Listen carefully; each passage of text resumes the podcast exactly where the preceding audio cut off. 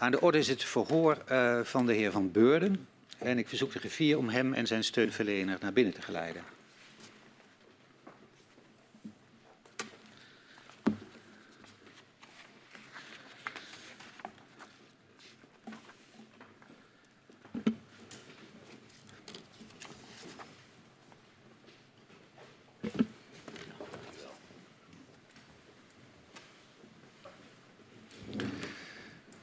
Welkom meneer Van Beurden. Dat geldt ook voor u meneer Bot, hier bij de parlementaire enquêtecommissie aardgaswinning Groningen. 60 jaar aardgaswinning heeft Nederland veel gebracht, maar kent zeker voor gedupeerde schaduwkanten. Deze schaduwkanten hebben geleid tot het besluit om uh, de aardgaswinning uh, te stoppen. En daar doen wij onderzoek naar. Daarom willen we ook weten hoe de besluitvorming op cruciale momenten is verlopen. Hoe private en publieke partijen hebben samengewerkt bij de gaswinning. Uh, we onderzoeken ook de bevingen, de ontwikkeling van kennis daarover de afhandeling van schade veroorzaakt door de bevingen en het proces van het versterken van gebouwen in de provincie. U bent uh, uh, CEO van Shell en in die hoedanigheid uh, willen we u graag als getuige horen. u heeft ervoor gekozen om de eed af te leggen en daarmee de gehele waarheid en niets dan de waarheid te zullen zeggen. En om die reden verzoek ik u om even te gaan staan. Ja. Uw vinger en wijsvinger tegen elkaar te houden. Ja. Zo waarlijk helpen mij God almachtig. Zo waarlijk helpen mij God almachtig. Dan staat u onder Ede. Mag u weer plaatsnemen. Het verhoor met u wordt afgenomen uh, door mevrouw Kuik en mijzelf. En mogelijk dat mevrouw Thiele ook nog enkele vragen aan u heeft. Ja? ja? Dan gaan we beginnen. Meneer Van Beurden, uh, u bent sinds 2014 CEO van toen nog Royal Dutch Shell. Vanuit deze functie bent u eindverantwoordelijk voor alle activiteiten van Shell wereldwijd. U kreeg dus ook te maken met de aardgaswinningdossier in Groningen. In dit verhoor willen we het met u hebben over de betrokkenheid van Shell in het dossier en de rol die u zelf als CEO heeft gespeeld in de aardgaswinning. Bijvoorbeeld in de onderhandelingen en de contacten met de Nederlandse staat. Mm -hmm. U hebt een lange carrière bij Shell en vervult al sinds de jaren 80 uh, verschillende functies uh, bij Shell. In januari 2014 volgde u de heer Fozer op als CEO. Wat was op dat moment uw beeld van het dossier aardgaswinning in Groningen? Uh, januari 2014. Uh, ik denk dat ik begon een duidelijker beeld te krijgen. Ik wist natuurlijk van de aardgaswinning en de problematiek. ik woonde weliswaar in het buitenland toen de beving in Huizingen plaatsvond, maar dat was natuurlijk toch niet alleen in Nederland groot nieuws, maar ook uh, in het buitenland. En zeker ook als Nederlander. Um, in uh, de tweede helft van 2013, dus voordat ik uh, daadwerkelijk in Nederland kwam en aantrad, heb ik me natuurlijk aan allerlei dossiers verdiept. Uh, voornamelijk de upstream dossiers, daar was ik minder vertrouwd mee. Ik kwam uit de downstream. veel gesproken met mensen als Andy Brown, onze upstream director. andere mensen die uh, onder andere ook uh, direct bij het uh, Groninger dossier betrokken waren. Dick Benschop, die een, direct aan mij zou rapporteren in mijn CEO-hoedanigheid. Dus ik denk, ik had een redelijk inzicht van de problematiek toen ik in januari aantrad. Ja. ja, dus direct bij uw aantreden bent u geïnformeerd over hoe de stand van zaken was als het gaat om het Groninger dossier. Uh, ja, de, de, voor mijn aantreden zelfs nog. Hè, dat hoorde bij de, de handover. Ik, uh, ik, mag me herinneren dat ik ook nog wel een keer met Peter Vozer over heb gesproken. Maar voornamelijk toch met de mensen in de business. Wat was nou precies uh, het probleem? Wat was er precies gaande? Het was natuurlijk een beetje een ongrijpbaar probleem. Aardbevingen, seismiek. Mm -hmm. Daar hadden we niet zoveel mee te maken. dus ik had denk ik wel een redelijk beeld van hoe het spel erbij stond. Wat de problemen waren. Ja. Nou is eh, het gasveld in Groningen een van de grootste uh, gasvelden ter wereld. Ja. Uh, hoe belangrijk was het Groningerveld voor Shell? was belangrijk. Het was, wat u zei, het was uh, uh, voor hele lange tijd was het inderdaad het grootste gasveld ter wereld. Uh, mm. Dat is in de tussentijd niet meer het geval. maar Groningen had natuurlijk een hele belangrijke rol. Ik denk op twee manieren. Ten eerste was het een een belangrijke bron van inkomsten. Uh, zeker in de, in de jaren uh, daarvoor, voor mijn aantreden. Uh, maar ook nog wel ten tijde van mijn aantreden. Mm. en het was natuurlijk een, een iconisch veld. Hè. heel veel mensen uit de upstream in Shell hadden toch een deel van hun opleiding in NAM gehad. en NAM was een bijzonder innoverend bedrijf, technologisch gezien. Uh, was ook vaak toonaangevend binnen de Shell-familie. Dus het was wel degelijk een heel belangrijk kroonjuwel voor ons. Nou heeft Shell uh, in het verleden ook vaak samen met Esso uh, veel meerderheids- en minderheidsbelangen gehad uh, in bedrijven die het Groningen gas afnamen en verkochten in Duitsland en België. Welke voordelen had dat voor Shell? Um, ik denk dat uh, u doelt hier op uh, de samenwerking in Gasterra en, het, uh, en andere verbanden. die stonden toch, zeker ten tijde van mijn aantreden, die stonden al los. Het, het hele... nou, ik bedoel eigenlijk in het buitenland. Dus in, in, Duitsland en België ehm, wordt ook het Groninger gas afgenomen en doorverkocht. Ja, maar dat is een aangelegenheid. Uh, het verkopen is natuurlijk eh, door in, in zekere zin de, de, Nederlandse staat of een mm. entiteit die bij de Nederlandse staat een belangrijke rol in, in, vervult. De inkomsten gaan ook voornamelijk naar de Nederlandse staat. En inderdaad, wij zijn actief in uh, gashandel en in in sommige landen zelfs het verkopen van gas aan uh, particuliere bedrijven en zelfs huishoudens. Maar dat staat los op afstand van. En daar zijn wij gewoon een marktpartij in. Dat is niet een verlengstuk van NAM als u daarop nee. zou doelen. Nee, mijn vraag is wat voor voordelen heeft dat uh, voor Shell om ook in ehm, die zaken te participeren als het gaat om dat Groningen gas wat... Ja, ja. Nou, dat, ik, ik, denk dat je dat zo moet zien. Dat is een, een, participatie in de hele waardeketen die ons in zekere zin uh, uh, ja, extra waarde brengt. Ja. Uh, maar ook vaak natuurlijk ehm, ons eh, in de positie brengt dat als het in één deel van de waardeketen wat slechter is en de andere wat beter, dan zijn we op balans nog steeds enigszins afgedekt. Ja, precies. Het, het, creëert extra waarde. Ja. U, u, gaf al aan, um, het komt niet in elk veld voor dat er uh, sprake is van, van seismiciteit door uh, gaswinning. Um, heeft u nou te maken gehad met, met uh, aardbevingen bij andere gasvelden die bij Shell waren, er, er waar dan ook ter wereld? Nou, uh, wellicht wel. Ik, zoals ik al eerder zei, ik, ik, ik heb geen upstream achtergrond.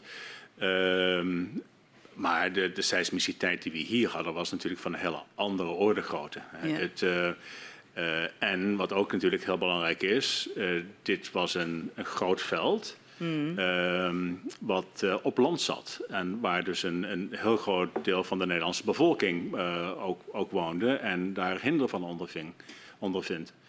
Uh, dat, ik denk dat het in zekere zin wel uniek was wat we ja. hier hadden als probleem. Ja. Uniek en dus ook niet te vergelijken met uh, nou ja, andere uh, velden nee, dat, en dat de problematiek. Nee, dat heb ik niet zo ervaren. Nee. Um, hoe wordt daar dan mee omgegaan als dat zo uniek is? ik kijk even of um, de telefoons uitgezet kunnen worden. Gaan wij weer door? Telefoon bij, dan, dus. dan, zeker, dan uh, gaan nou, wij het, weer door. Uh, ja, ik denk dat het belangrijk is om dat toch even wat, misschien wat breder te trekken. Het, uh, het, het was inderdaad uniek en daar zijn we denk ik in de verschillende stadia anders mee omgegaan. Hè. Huizing was natuurlijk een heel groot uh, moment. Ik denk dat dat een, een, een kantelmoment was. Waar ja, de wereld in één keer veranderde. Hè. Voorheen was, mm. Waren aardbevingen, waar, dat leidde tot een scheur en die moest vergoed worden, dat was duidelijk. Maar met Huizingen veranderde eigenlijk alles. Um, wat er voor mij daarna veranderd is, toen ik, sinds ik ben aangetraind in 2014, zijn eigenlijk drie belangrijke momenten geweest. Ten eerste het moment van eigenlijk januari 2014, waarbij er een nieuwe productiefilosofie kwam. Van uh, omwille van de veiligheid mogen wij niet meer produceren dan 42 of 40 PCM. Mm. Daaronder is het veilig. He, dat voorheen was in feite Groningen uh, niet gelimiteerd door veiligheidsoverwegingen, maar door commerciële overwegingen. Dat was een heel belangrijk moment. Dat was een nieuwe filosofie. Uh, die is een tijdje lang vastgehouden en die begon eigenlijk een beetje te, uh, aan de wandel te gaan in 15 en 16. Tot we in 2017 in feite op een breekpunt uitkwamen. Waarbij de minister zei van nou, er is eigenlijk geen niveau ja. meer waarop het veilig is. We, we, gaan straks die punten bij langs door de tijd. Ja. Uh, het was alleen mijn vraag aan het begin. was omdat dit zo'n uniek gasveld was werd er nou ook heel anders geacteerd op dit gasveld dan op al die andere uh, die ook onder Shell vielen? Ik denk dat wat ik zojuist probeerde te zeggen, uh, dat, dat is door de tijd heen veranderd. Hè? Waar wij dus in 2014 dachten, oké, okay, uh, met dit niveau is het veilig en daar moeten we onder blijven. Uh, kwamen wij in 2017 erachter, er is eigenlijk geen niveau meer waarop het veilig is. wij worden zelfs strafrechtelijk erop aangesproken als NAM. Uh, het handelen van NAM werd als onrechtmatig gezien door de rechtbank. Dan gaan we die ja. punten dan uh, uh, op maar dat moment bij Mijn punt is, mevrouw Kuik, op dat moment veranderde natuurlijk wel degelijk ja. het inzicht hoe wij tegen het gasveld en aardbevingen aankijken. Oké, okay, helder. Um, hoe ziet de verantwoordelijkheidsverdeling eruit um, tussen u, uh, president-directeur van Shell, um, tussen u en de president-directeur van Shell? Shell Nederland. Ja. Uh, ja. Uh, nou, ik ben uh, de CEO van het internationale bedrijf. Mm -hmm. dus in zekere zin is ook de eindverantwoordelijke voor eigenlijk alles wat binnen het bedrijf afspeelt. de president-directeur Nederland, destijds Dick Benschop en vanaf 2016 Marjan van Loon. die heeft een integrerende rol voor onze activiteiten in het land. Dat is een landendirecteur. Eh, is in het, de relatie van NAM eh, dan ook betrokken bij NAM uh, als uh, een van de toezichthouders, zeg maar, mm. vanuit de aandeelhoudersrol. maar baart zich natuurlijk ook zorgen over het algehele wel en wee van Shell in Nederland. we hebben hier 8.500 employees. de reputatie van het bedrijf in Nederland is belangrijk. Heeft een belangrijke rol ook met de overheid. Uh, ik heb ook wel een rol met de overheid, maar ik kan dat natuurlijk nooit zoveel en zo goed doen als uh, bijvoorbeeld Marjan van Loon of een landendirecteur dat kan. Dus daar hebben wij dan verdelingen van verantwoordelijkheden gemaakt over wie praat met wie en op wat voor dossiers is dat, et. En hoe ziet dat er dan uit, die verdeling? Uh, nou, ik, ik, denk over het algemeen. Uh, je moet een, uh, een landendirecteur dan ook de, de ruimte geven om het, het werk te doen. Dus wat mij betreft is het hoofdaanspreekpunt voor alle zaken Nederlands is Marjan van Loon. Mm -hmm.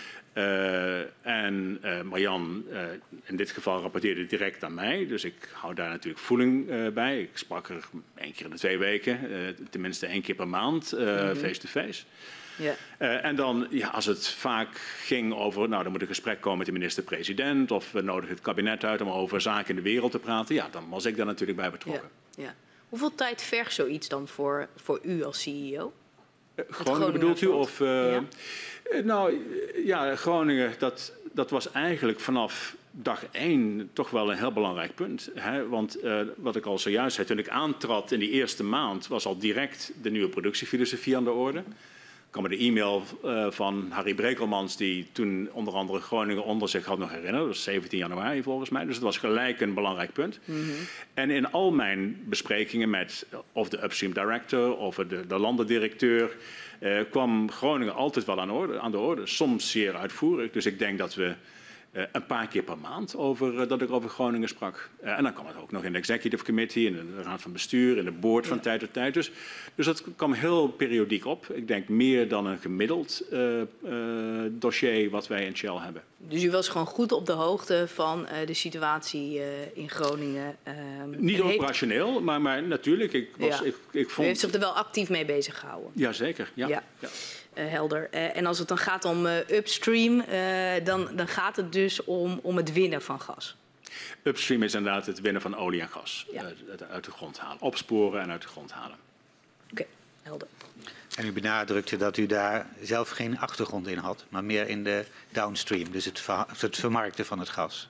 Heb ik dat goed begrepen? Nee, nee, nee ook niet zozeer nee. in het maken van het gas. Ik ben chemisch ingenieur. Ik heb ah, okay. uh, in raffinage veel gewerkt, een heel groot deel in de chemie. Uh, ik heb wel met gas te maken gehad, het was vloeibaar aardgas. Uh, ik heb drie banen gehad in LNG. Maar echt het opsporen, uh, de, de, ondergrondse problematiek, seismiek, dat, dat was niet mijn, mijn vakgebied. Nee.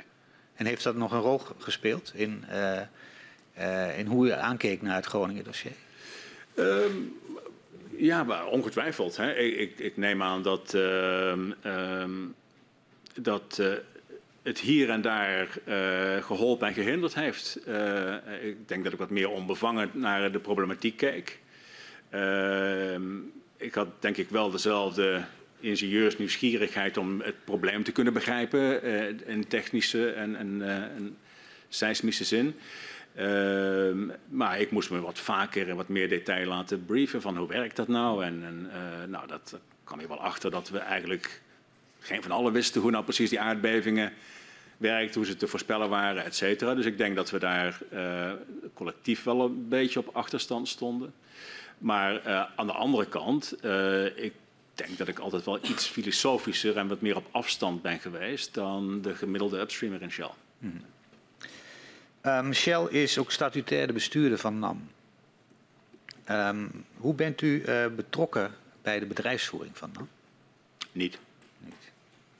We lezen in een document uit 2017. Uh, ehm, dat is een document dat is opgesteld na een uitvoerige interne evaluatie. Uh, waarin ook geleerde lessen worden getrokken uit het aardbevingsdossier in mhm. Groningen. Dat u als CEO een interventie heeft gedaan in de structuur van de Decision Review Board van NAM en Shell. Die interventie zou ook te maken hebben met uh, wat wordt omschreven als het, ik citeer, aanmodderen van Shell in de NAM. Welke interventie heeft u eigenlijk precies uitgevoerd?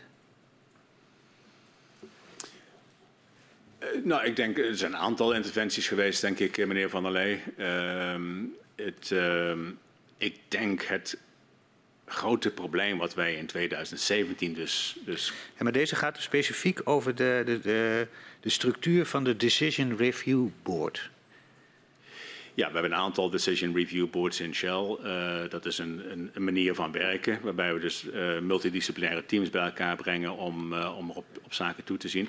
Ik denk dat de structuurverandering in 2017 was wat mij betreft de maat is vol. ik denk dat wij, wat, wat, een heel belangrijke filosofie was, dat, dat we probeerden alle problemen op te lossen. Dat betekende in feite dat we in een spagaat terechtkwamen. Dat we aan de ene kant probeerden om mee te werken om de leveringszekerheid in Nederland te waarborgen. Maar aan de andere kant ook moesten werken met de problematiek van de aardbevingen en maatschappelijke draagvlak, et cetera. En uiteindelijk begon dus het inzicht in 15 en 16 te dagen. Dat is niet aan ons om ons daarover zorgen te maken. Dat is een overheidstaak. Uh, en in feite was de wijziging is dat ik af wilde van het feit dat wij ons willens en wetens uh, als een semi-overheid aan het gedragen waren. Dat kon niet. Wij waren een commerciële organisatie die duidelijke instructies van de overheid moest krijgen. Uh, die natuurlijk een partner voor de overheid moest zijn. Maar niet één die op een of andere manier maar verantwoordelijkheden over moest nemen. En daar was in feite was daar het verhaal op neergekomen. Steeds ja. meer en meer waren wij een semi-overheid en dat kon gewoon niet. We gaan straks nog nader in hoor, op uh, die omslag ja. in 2017. Uh, in het Lessons Learned document van de voorzitter van de NAM-raad lezen we daarnaast terug dat Shell er aanvankelijk de voorkeur aan geeft dat NAM haar eigen zaken regelt en Shell op afstand blijft. Gezien ook de negatieve reputatie in Groningen. Maar omdat Shell de operator is van NAM, blijkt dat in de praktijk onmogelijk. Hierdoor is er voortdurend ook sprake, hè, ik, uh, volgens de voorzitter van de NAM-raad, van een spanning tussen NAM en Shell. Waar bestond die spanning uit? Uh, nou, er zijn natuurlijk een aantal zaken waar het, uh, uh, waar het duidelijk is dat het een NAM-aangelegenheid is. NAM, vroeg eerder, was ik, was ik betrokken bij de operaties van NAM? Nee, ik denk dat, dat in feite was niemand eigenlijk bij betrokken behalve NAM. Natuurlijk waren vaak wel de mensen die in het bestuur van NAM zaten gesecondeerd uh, of gedetacheerd vanuit Shell. Maar het was een NAM-aangelegenheid. NAM is een 50-50 joint venture met, uh, met ESSO, Nederland. Uh, en zij hoorden uh, hun verantwoordelijkheden naar behoren uit te voeren. En als Shell hadden wij daar toezicht op te houden. En dat deden we dus ook. En daar komt dus van tijd tot tijd wel bij dat je, dat je mensen eraan moet herinneren dat we wel op afstand van elkaar staan. Mm -hmm. En dat is niet alleen in NAM zo, dat is ook in andere samenwerkingsverbanden. Je moet enorm uitkijken dat je als aandeelhouder niet op de stoel van de operator gaat zitten, want dan krijg je allerlei problemen. Dan krijg je problemen met je partner, maar je krijgt uiteindelijk ook problemen met aansprakelijkheid. En dat hebben we een paar keer, en niet alleen in NAM, ik heb dat zelf ook wel meegemaakt in joint ventures, een paar keer duidelijk moeten herstellen. Wat is nou je rol hier? Je rol hier is aandeelhouder en, en zij zijn verantwoordelijk voor de uitvoering. En daar uh, is wat dat betreft NAM geen uitzondering in geweest. Dat moest van tijd tot tijd moest dat, uh, moest bij met z'n allen daaraan herinnerd worden. Uh, op afstand houden was ook wat ons betreft op afstand uh, houden van andere zaken binnen NAM. En dat hebben we ook heel duidelijk destijds tegen NAM gezegd. Ik kan me nog heel goed herinneren. Toen in een van de raad van bestuursmeetings we het hadden over nou, we moeten meer mensen aannemen, meer schade-experts en dit, uh, het begint nu echt wel ingewikkeld en een probleem te worden, was mijn verhaal ook van nee, dat moet niet. Uiteindelijk, op een bepaald moment hadden wij meer mensen in dienst in de NAM die zich met schade bezighouden dan met de geologie. Hmm. Dat was niet onze competentie, dat moest op afstand staan. Ja. En uh, dus dat dat op afstand zetten, daar hebben we de hele tijd uh, voor moeten waken dat dat goed gebeurde. Ja. Maar u, ja, u schetst eigenlijk een soort harmonica-model. Dat het na afstand en dan weer, was het toch weer reden om er dichter op te zitten en weer uit elkaar? Of was het wel zo, zeg maar, vanaf Huizingen dat noodgedwongen door alles wat er gebeurde, uh, Shell toch weer dichter op NAM kwam te staan en, en meer dan misschien gewild uh, betrokken raakte, ook in, in allerlei operationele besluiten?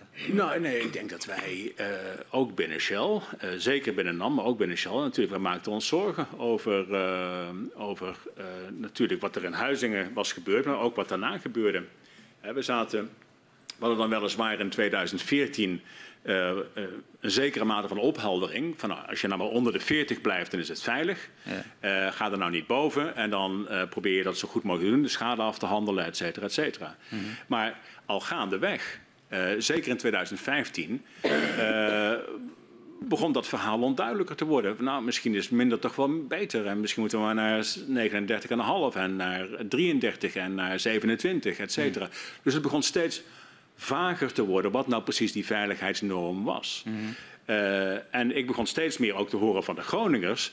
Uh, van niet alleen hebben wij problemen met het gevoel van onveiligheid. Uh, en we, we, zijn eigenlijk ook niet meer geïnteresseerd om te horen is het nou wel veilig of niet? Mm. Uh, ja, er waren angstgevoelens. Ja. En er was het gevoel dat men van ja. het kastje naar de muur werd gestuurd. Nou, mijn vraag was ja. in hoeverre dat dan ertoe leidde dat Shell dichter op NAM ging zitten. In de nou, zin dat, van omdat, meer bemoeienis. natuurlijk trek je dat aan, meneer Van der Lee. Als je, ik werd in aandeelhoudersvergaderingen aangesproken door Groningers. Die zeiden van nou, u moet anders beslissen. En dan is het dan kom je maar zo ver door uit te leggen van nee, nee, nee, dat is een NAM-aangelegenheid. Ja. En maakt u maar geen zorgen, wij zijn er als Shell toezichthouder op, et cetera, et cetera. Ja. Ik voelde mij steeds meer aangesproken op het feit dat het geen discussie was. Maakt u maar geen zorgen, de Meidam-norm is oké. Okay. Het was voor mij steeds meer een probleem van dit is niet meer maatschappelijk acceptabel. En ik kan me één gesprek heel goed herinneren van, uh, van een van de, uh, de, de Groninger gedupeerden. Uh, die uh, mevrouw van Heijten, die, die verhaal vertelde over van haar kinderen. En dat ze uh, zei van meneer Van Beurden, legt u uw kinderen s'avonds wel eens in bed? Ja, ja. maakt u zich zorgen dat ze s ochtends wakker worden? Nee, nou ik wel. kunt u daarmee rekening houden in uw toekomstige afwegingen? Nou, dan word ik als CEO van Shell aangesproken. Ja. Dan kan ik niet zeggen van nou nee, dat is scheiding van verantwoordelijkheden, et cetera. Mm, ja. Dus dat heb ik wel degelijk gedaan. Ja, we zien ook, uh, en dan spreek ik nu in de tijd, begin 2018, dat er ook bij Shell zorgen zijn over de, de asymmetrie in het bestuur van NAM. En uh, Shell wil dat ook met Exxon uh, bespreken. Mm -hmm. waar, waar zat die asymmetrie in? Nou, de asymmetrie, als ik het even eenvoudig uitleg. dus NAM is een 50-50 samenwerkingsverband. Shell is daar de operator, of de, de, de, dagelijkse bestuurder. Dat is gedelegeerd aan de directeur van NAM. Ja, mm -hmm. en, maar in zekere zin volgt de NAM dus Shell-procedures en werkwijzes, et cetera. Uh, en dat betekent dat in feite uh, wij meer verantwoordelijkheid en aansprakelijkheid hebben. Mm -hmm. uh, als het, zeker als het misgaat. en dat ETSO daar min of meer toch in een controlerende situatie zit. En dat, nou, dat, normaal gesproken werkt dat goed. Uh, dat hebben we wel vaker in joint ventures. Maar op het moment dat het gaat spannen en allerlei problemen gaan komen, ook juridische problemen gaan komen. Bijvoorbeeld, uh, je wordt nu potentieel strafrechtelijk vervolgd als je overheidsaanwijzingen uh, uitvoert. Ja, dan wordt het opeens een stuk spannender. Hmm. en dan vond ik dat er geen symmetrie meer was. Want het waren wel Shell-mensen die ja. in de NAM zaten ja. en die het risico liepen dat ze vervolgd werden omdat ze overheidsinstructies uitvoerden. En dat gevoel had natuurlijk ESSO niet zozeer. En hoe heeft u dan die balans hersteld? Nou, uiteindelijk hebben we die uh, pas hersteld uh, toen we collectief vaststelden, uh, en dat was een aantal gesprekken, onder andere tussen mij en Darren Woods, van ja, maar dit, dit kan niet meer. Ja. en ik heb, het is niet alleen maar een kwestie van uh, aansprakelijkheid over schade en, en versterkingen en noem maar op. Dit is strafrechtelijk. Ja. ja. En dat kunnen wij niet accepteren, niet als bedrijf en zeker niet als CEO's van mensen die dan uiteindelijk hoofdelijk verantwoordelijk zijn. Dus daar kwamen we op dat moment vrij snel uit. En toen zeiden we van nou, dan moeten we nu naar de minister-president om dat anders in te richten. En dat hebben we ook samen gedaan. Daar komen we straks nog op terug. En dan, eh, dan, dan, wilt u ook dat er een winningsplicht komt, zodat u juridisch niet. Uh, maar uh, ik mag concluderen dat die, die, die asymmetrie uh, in, in het bestuur van NAM eigenlijk is opgelost door de hele juridische verantwoordelijkheid proberen bij de overheid te leggen niet proberen, die is bij de overheid gelegd. Uiteindelijk is die ook daar gelegd, ja. Uh, was er nou ook een asymmetrie in uh, de financiële blootstelling? In termen van uh, de risico's? Niet, nou voor een deel wel. Hè. We hadden, daar zullen we het straks denk ik ook nog wel over hebben, een 403-verklaring die ja. door de Jean Nederland was afgegeven. Dat was ten behoeve van leveranciers. Dat was enigszins ongebruikelijk, omdat we dat normaal gesproken alleen maar doen voor... Ja 100% Shell-bedrijven, zoals ja. Nederland Raffinerij en Moerdijk, et cetera. Het feit dat daar een, een joint venture in paste, dat was enigszins ongebruikelijk. Ja. Maar deze joint venture, die produceerde geen jaarrekening. Eh, dus die moest op een of andere manier moesten toch garanties afgeven aan, uh, aan toeleveranciers. En daarvoor was dan die 403-verklaring bedoeld. Ja. Dus, dus daarmee hadden we wel een zekere vorm van financiële asymmetrie in de, in de ja. van dag tot dag uitvoering. Want we, hebben, we hoeven nu niet meer te reconstrueren wat er precies is gebeurd. Dat hebben we ook met eh, Marjan van Loon uh, uitvoerig besproken. Maar we hebben wel gezien, ook de heer De Jong gaf dat aan, dat Exxon uh, bepaald niet blij was met deze stap. ook EBN niet, dat het ook discussies heeft opgeleverd in de maatschap. En dat Shell toch die verklaring heeft ingetrokken. Ja. Maar was nou ook een belangrijk motief dat die asymmetrie in termen van financiële blootstelling uh, ja, een rol speelde bij het besluit om die verklaring in te trekken? Nou, ik, ik denk dat de financiële asymmetrie dat dat geen, geen rol uh, speelde. Ik denk dat we met z'n allen nu kunnen concluderen dat dat niet verstandig geweest was. Maar het, het was, wat mij betreft, meneer Van der Lee, het was ook helemaal niet belangrijk. En zeker niet voor wat betreft de schadeafhandeling. Nee. He, uh, dit, die 403 was niet meer nodig. Er was een jaarrekening. Iedereen kon naar de balans uh, van NAM kijken ja. en kon zijn eigen oordeel vellen of ze daar ja. zaken mee wilden doen, ja of nee. Ja. Uh, en dat, dat vervolgens dan wat dieper in de organisatie door juristen en accountants wordt gezegd van nou dan hebben we dat ook niet meer nodig. Ja, uh, ja dat werd verkeerd uitgelegd. Dus ja. natuurlijk, uh, ik hoorde daar voor het eerst van een half jaar nadat het was gebeurd. Toen het in trouw stond. En toen was het, dat was mijn reactie, wat is hier nou weer aan de hand? Ja. En toen ja, hadden we natuurlijk wat uit te leggen. Dat is vervelend, moet je uitleggen, nee, dat is niet zo bedoeld en, en noem maar op. Maar, het, uh, maar ja, op dat moment denk je van nou, misschien hadden die beter maar niet in kunnen trekken, want zo belangrijk was het ook weer niet. Ja. Nee, want het blijft best vreemd dat uh, decennia van samenwerking in een gasgebouw, dat de andere partijen waarmee je samenwerkt ook vooraf aangeven, zowel uh, de commerciële partner Exxon als de, de participant namens de overheid EBN aangeven, doe dit nou niet. En het, het, het wordt toch gedaan en er ontstaat ook heel veel ophef. Ja, dan lijkt het. Ja, nou goed, ik, ik ben daar nogmaals destijds niet bij betrokken geweest, nee. meneer Van der Lee. Het, uh, okay. Ik denk dat uiteindelijk uh, EBN en ESSO dan gelijk hebben gehaald. Dat hadden we beter niet kunnen doen, dan hadden de ophef ook bespaard uh, gebleven. Ja. Hmm. Okay. We hebben het al even gehad over die verdeling van verantwoordelijkheden. Ja. Um, en ik ben benieuwd, en dan gaan we even kijken hoe, hoe, hoe de persoonlijke contacten nou zijn met het kabinet. Hoe zagen die eruit voor u? Voor mij of ja. voor het bedrijf in zijn totaliteit? Of uh, wilt u het wat uh, een algemeen Voor u in uw functie. Ja. ja. Voor mij mijn functie. Ja. ja. Uh, nou, ik, ik, ik vond het belangrijk om de minister-president tenminste één keer per jaar te zien. Uh, we hadden een beetje een traditie opgebouwd waarbij we één keer per jaar met leden van het kabinet en leden van de eigenlijk min of meer voltallige raad van bestuur van Shell samenkwamen. En dan bespraken we zaken in de wereld. Dus er zat ook uh, de minister van Buitenlandse Zaken bij en dan spraken we over ja, zaken in Rusland, Amerika, Midden-Oosten ja. en dergelijke. Uh, en ja, op een gegeven moment ook zaken natuurlijk uh, in, in, Nederland. En Groningen kwam daar natuurlijk ook wel eens een keer ter sprake. Um, Wat is nou het belang van die meetings, van die jaarlijkse diners?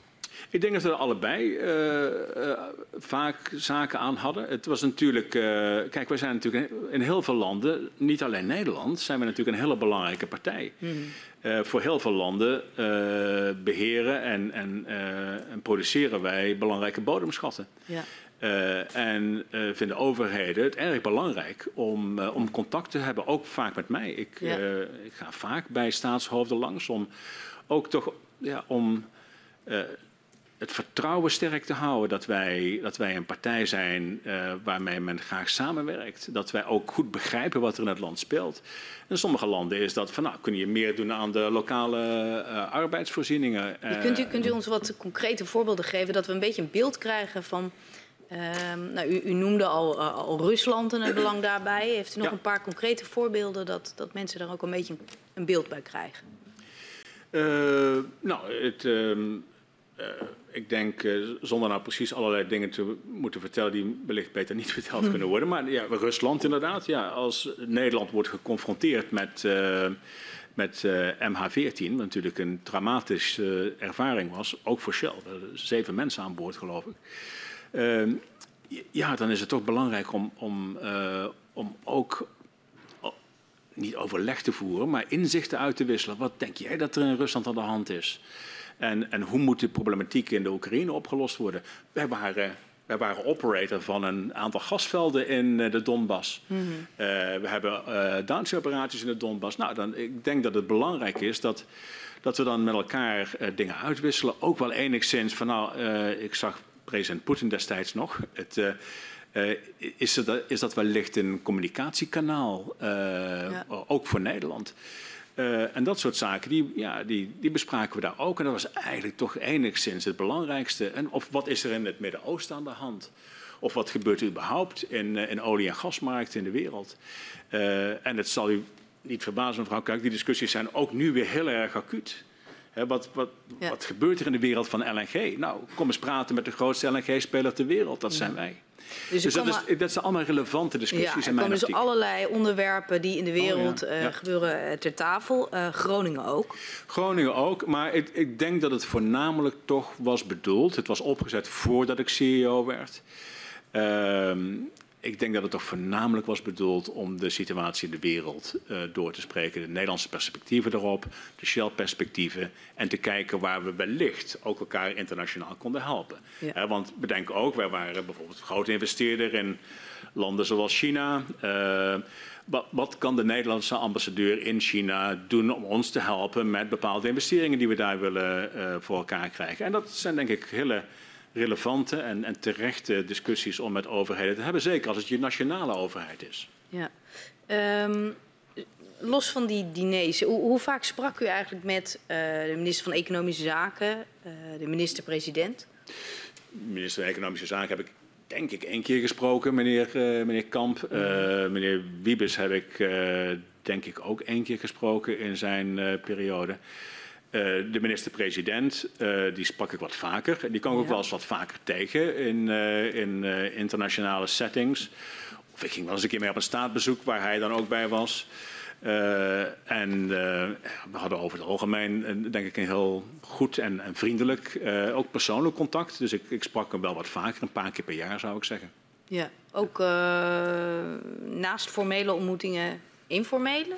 Jazeker. Ja, ik ja. Uh, beschouw uh, de minister-president als, een, uh, als een vriend, ja. persoonlijk ook.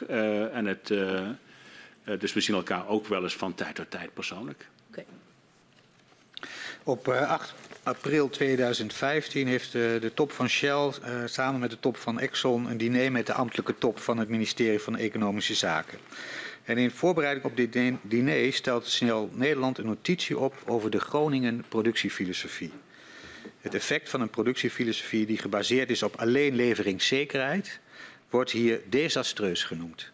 Welk probleem zag Shell in een productiefilosofie die gebaseerd was op enkel leveringszekerheid? En we hebben het hier, meneer Van der Lee, over april 2015? Ja. Uh, nou, uh, ik was niet bij die meeting aanwezig en ook niet bij de voorbespreking, maar ik denk wel dat ik kan begrijpen waarom dat als desastreus, sterk woord natuurlijk, werd ervaren. Ik denk dat twee zaken aan de orde waren. Uh, als wij afstuurden op een, het minimumniveau wat wij moesten produceren. Om dan toch nog aan de leveringszekerheid te voldoen. Dat ten eerste natuurlijk de overheid heel veel inkomsten zou mislopen. De aandeelhouders ook, overigens. en dat we natuurlijk dan als land in een hele andere betalingsbalans terecht zouden komen. Want we moesten dan uiteindelijk wel meer gas gaan importeren. En voor de aandeelhouders in NAM was het in zekere zin ook een probleem, financieel. Omdat bij wat we toen er dachten dat het niveau van leveringszekerheid was, uh, NAM geen winst meer kon maken.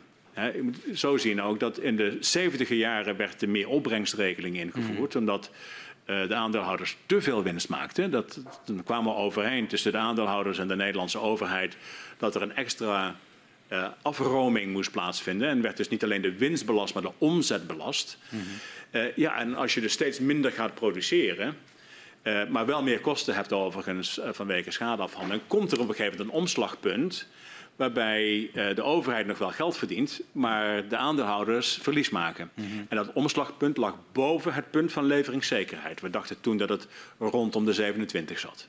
Ja, maar dat is volgens mij toch nog iets later in de tijd. Want in 2015, in het voorjaar van 2015, is het winningsniveau toch nog wel in de buurt van 40. Nee, nee, nee. nee. Het, uh, 2015, hè, dat was uh, eh, 2015 was het jaar waarin het begon te schuiven. Begin ja. 2015 hadden we het over 39,5 ja, of zo. Ja, en eind 2015 hadden we het over 27. Okay. En ik begon me dus af te vragen, waar gaat het nou heen? Minder is beter, oké. Okay, maar wat is nou de zekerheid die we daaruit kunnen krijgen? En toen we op 27 zaten, toen was het verhaal... Uh, ja, nou die hele meer opbrengstregeling, dat kan niet meer. Die, die werkt niet meer. In die nota uh, wordt ook gesproken over een moeras zonder ankers. Als productieverlaging eenmaal gepresenteerd wordt als een valide maatregel voor de veiligheid, dan zit er geen stop op. Hoe was dat een. Ja, wat betekent ja, dat? Nogmaals, in de notitie, als zodanig ben ik geen deelgenoot aan geweest. Maar het, het klopte wel natuurlijk, meneer Van der Lee. Want ja. hè, waar we dus uh, in 2014 uh, probeerden vast te stellen op welk niveau is de productie veilig. En dat, daarvan werd gezegd uiteindelijk, nou 40 BCM is veilig, dus blijf daarna nou maar onder. Was in 2015 uh, begon het verhaal, nou uh, misschien moet het wat minder zijn. En misschien moet het 39 zijn, misschien moet het uh, eh, 35 zijn, 33, nee eigenlijk toch maar 31, misschien 27. En ja, wat, wat, is nou de zekerheid die je daaruit hebt? En uiteindelijk uh, begonnen wij steeds meer vraagtekens te zetten van is dat nou het juiste traject waarop we zitten? Kunnen wij hier nou duidelijkheid aan ontlenen? En dat ging in 2016 ging het nog verder, uh, ja. nog verder omlaag. En dat begon steeds uh, ja, onduidelijker en ondraaglijker te worden ja. natuurlijk. Toch nog één ander citaat uit die notitie.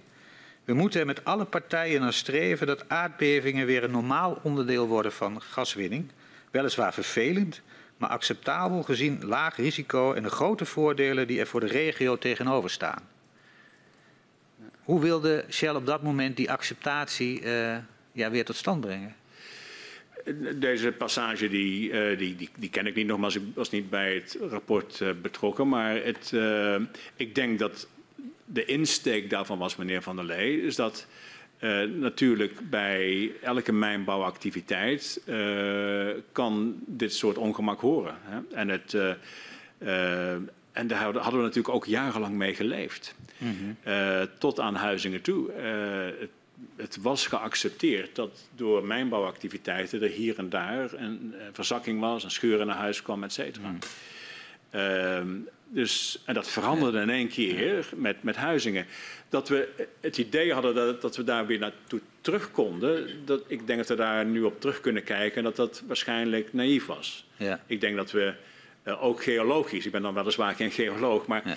ik denk dat het ook geologisch naïef was. Hè? Ja. Het, op het moment dat er zoveel krachten ontkoppeld zijn ondergronds in, in zo'n veld, dan heb je te maken, denk ik, met een langere tijd van verhoogde seismiciteit waarbij dus ook een verhoogd risico hoort. En dan is het niet meer een kwestie van een scheur herstellen, dan is het een kwestie van dat risico beheersen. En uiteindelijk werd het een kwestie, wat mij betreft begon dat al in 2015 en zeker in 2016. Ja. Uiteindelijk werd het een kwestie van maatschappelijke acceptatie. Was het niet meer een kwestie van veiligheid. Ja, misschien klopt het dat het wat later ja, die, die beweging maakte die u schetst. Maar ik, op basis van wat wij lezen, was in het voorjaar, dus 6 april 2015, in dit gesprek met de ambtelijke top nog de inzet. We moeten eigenlijk partijen van overtuigen dat je nog steeds een, een behoorlijk uh, winningsniveau kunt handhaven. Oh ja, maar als u bedoelt, hebben we daar te lang over gedaan om dat inzicht te krijgen? Dan zeg ik absoluut ja, meneer Van der Lee, daar hebben we te lang over gedaan. We begonnen in 2015 weliswaar vraagtekens te zetten en dat begon in 2016 begonnen dat uitroeptekens te worden. Maar uiteindelijk hadden we natuurlijk ook al helemaal aan het begin kunnen zeggen uh, dit is, dit is een, niet een kwestie van technische veiligheid meer. Het is niet een kwestie van 10 tot de min 5 en de mij dan norm en, en, en noem maar op. Het is een kwestie van maatschappelijke acceptatie. En dat begon mij steeds duidelijker te worden, tenminste in 2016. En had ons dat duidelijker kunnen worden eerder? Ja, daar ben ik absoluut uh, van overtuigd. En, dat, en dat, ja, dat vind ik ook jammer dat het niet gebeurd is. Okay. Ik, ik, kom nog even terug uh, uh, iets eerder in de tijd, op 18 november 2015. Want dan besluit de Raad van State dat de gaswinning nog verder moet worden teruggebracht tot 27 miljard kuub. Ja. Um, u gaf al aan, daar, daar, daar zetten wij vraagtekens bij. Uh, kunnen we hier nou een zekerheid aan ontlenen? Ja. we zien ook dat Shell wil onderhandelen met de staat over de toekomst van de productie uit het Groningerveld. En we komen in eerdere documenten tegen de term de New Deal. Dat hebben we ook besproken met de heer Benschop in het verhoor. Wat hield deze New Deal volgens u in? De New Deal die kwam in 2015, hè, wat ik al eerder had geschetst. 2014 was hè, wat mij betreft het jaar waar er nog zeker zin duidelijkheid was. Hè. 40 is oké, okay. mm. we moeten het vertrouwen herstellen in Groningen, et cetera. In 2015 ging alles aan de haal. Hè, gingen naar steeds lagere niveaus, 27 uiteindelijk.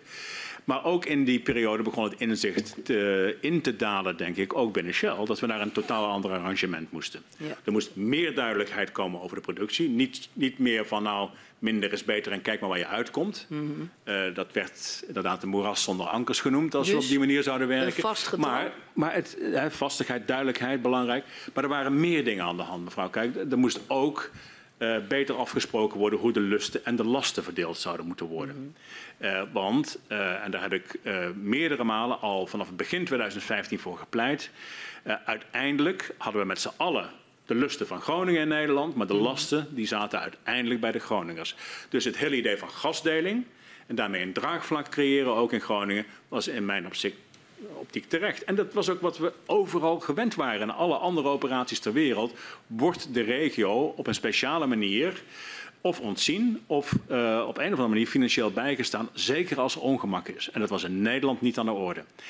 Uh, verder had ik ook als een onderdeel van de New Deal, laten we nou die gasopbrengsten die we nog krijgen uit Nederland inzetten voor de energietransitie. Dat is ook belangrijk, want zo gaan we van het gas af. Dat was toen ook al ter sprake. Uh, en ja, en toen we op 27 begonnen uit te komen, zeiden we ook, ja, die meer opbrengstregeling, die moet er vanaf. Want dat werkt niet meer. We komen op een situatie uit dat Nederland nog steeds geld verdient, de aandeelhouders geld verliezen. Uh, dus het, uh, dat alles bij elkaar was een new deal. En die heb ik inderdaad in december 15 volgens mij bij de premier op tafel gelegd. Bij de premier. Um, u heeft die bij de premier op tafel gelegd.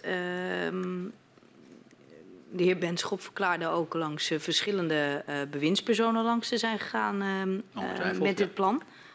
was dat ook in opdracht van u, dat hij ook bij verschillende bewindspersonen langs ging?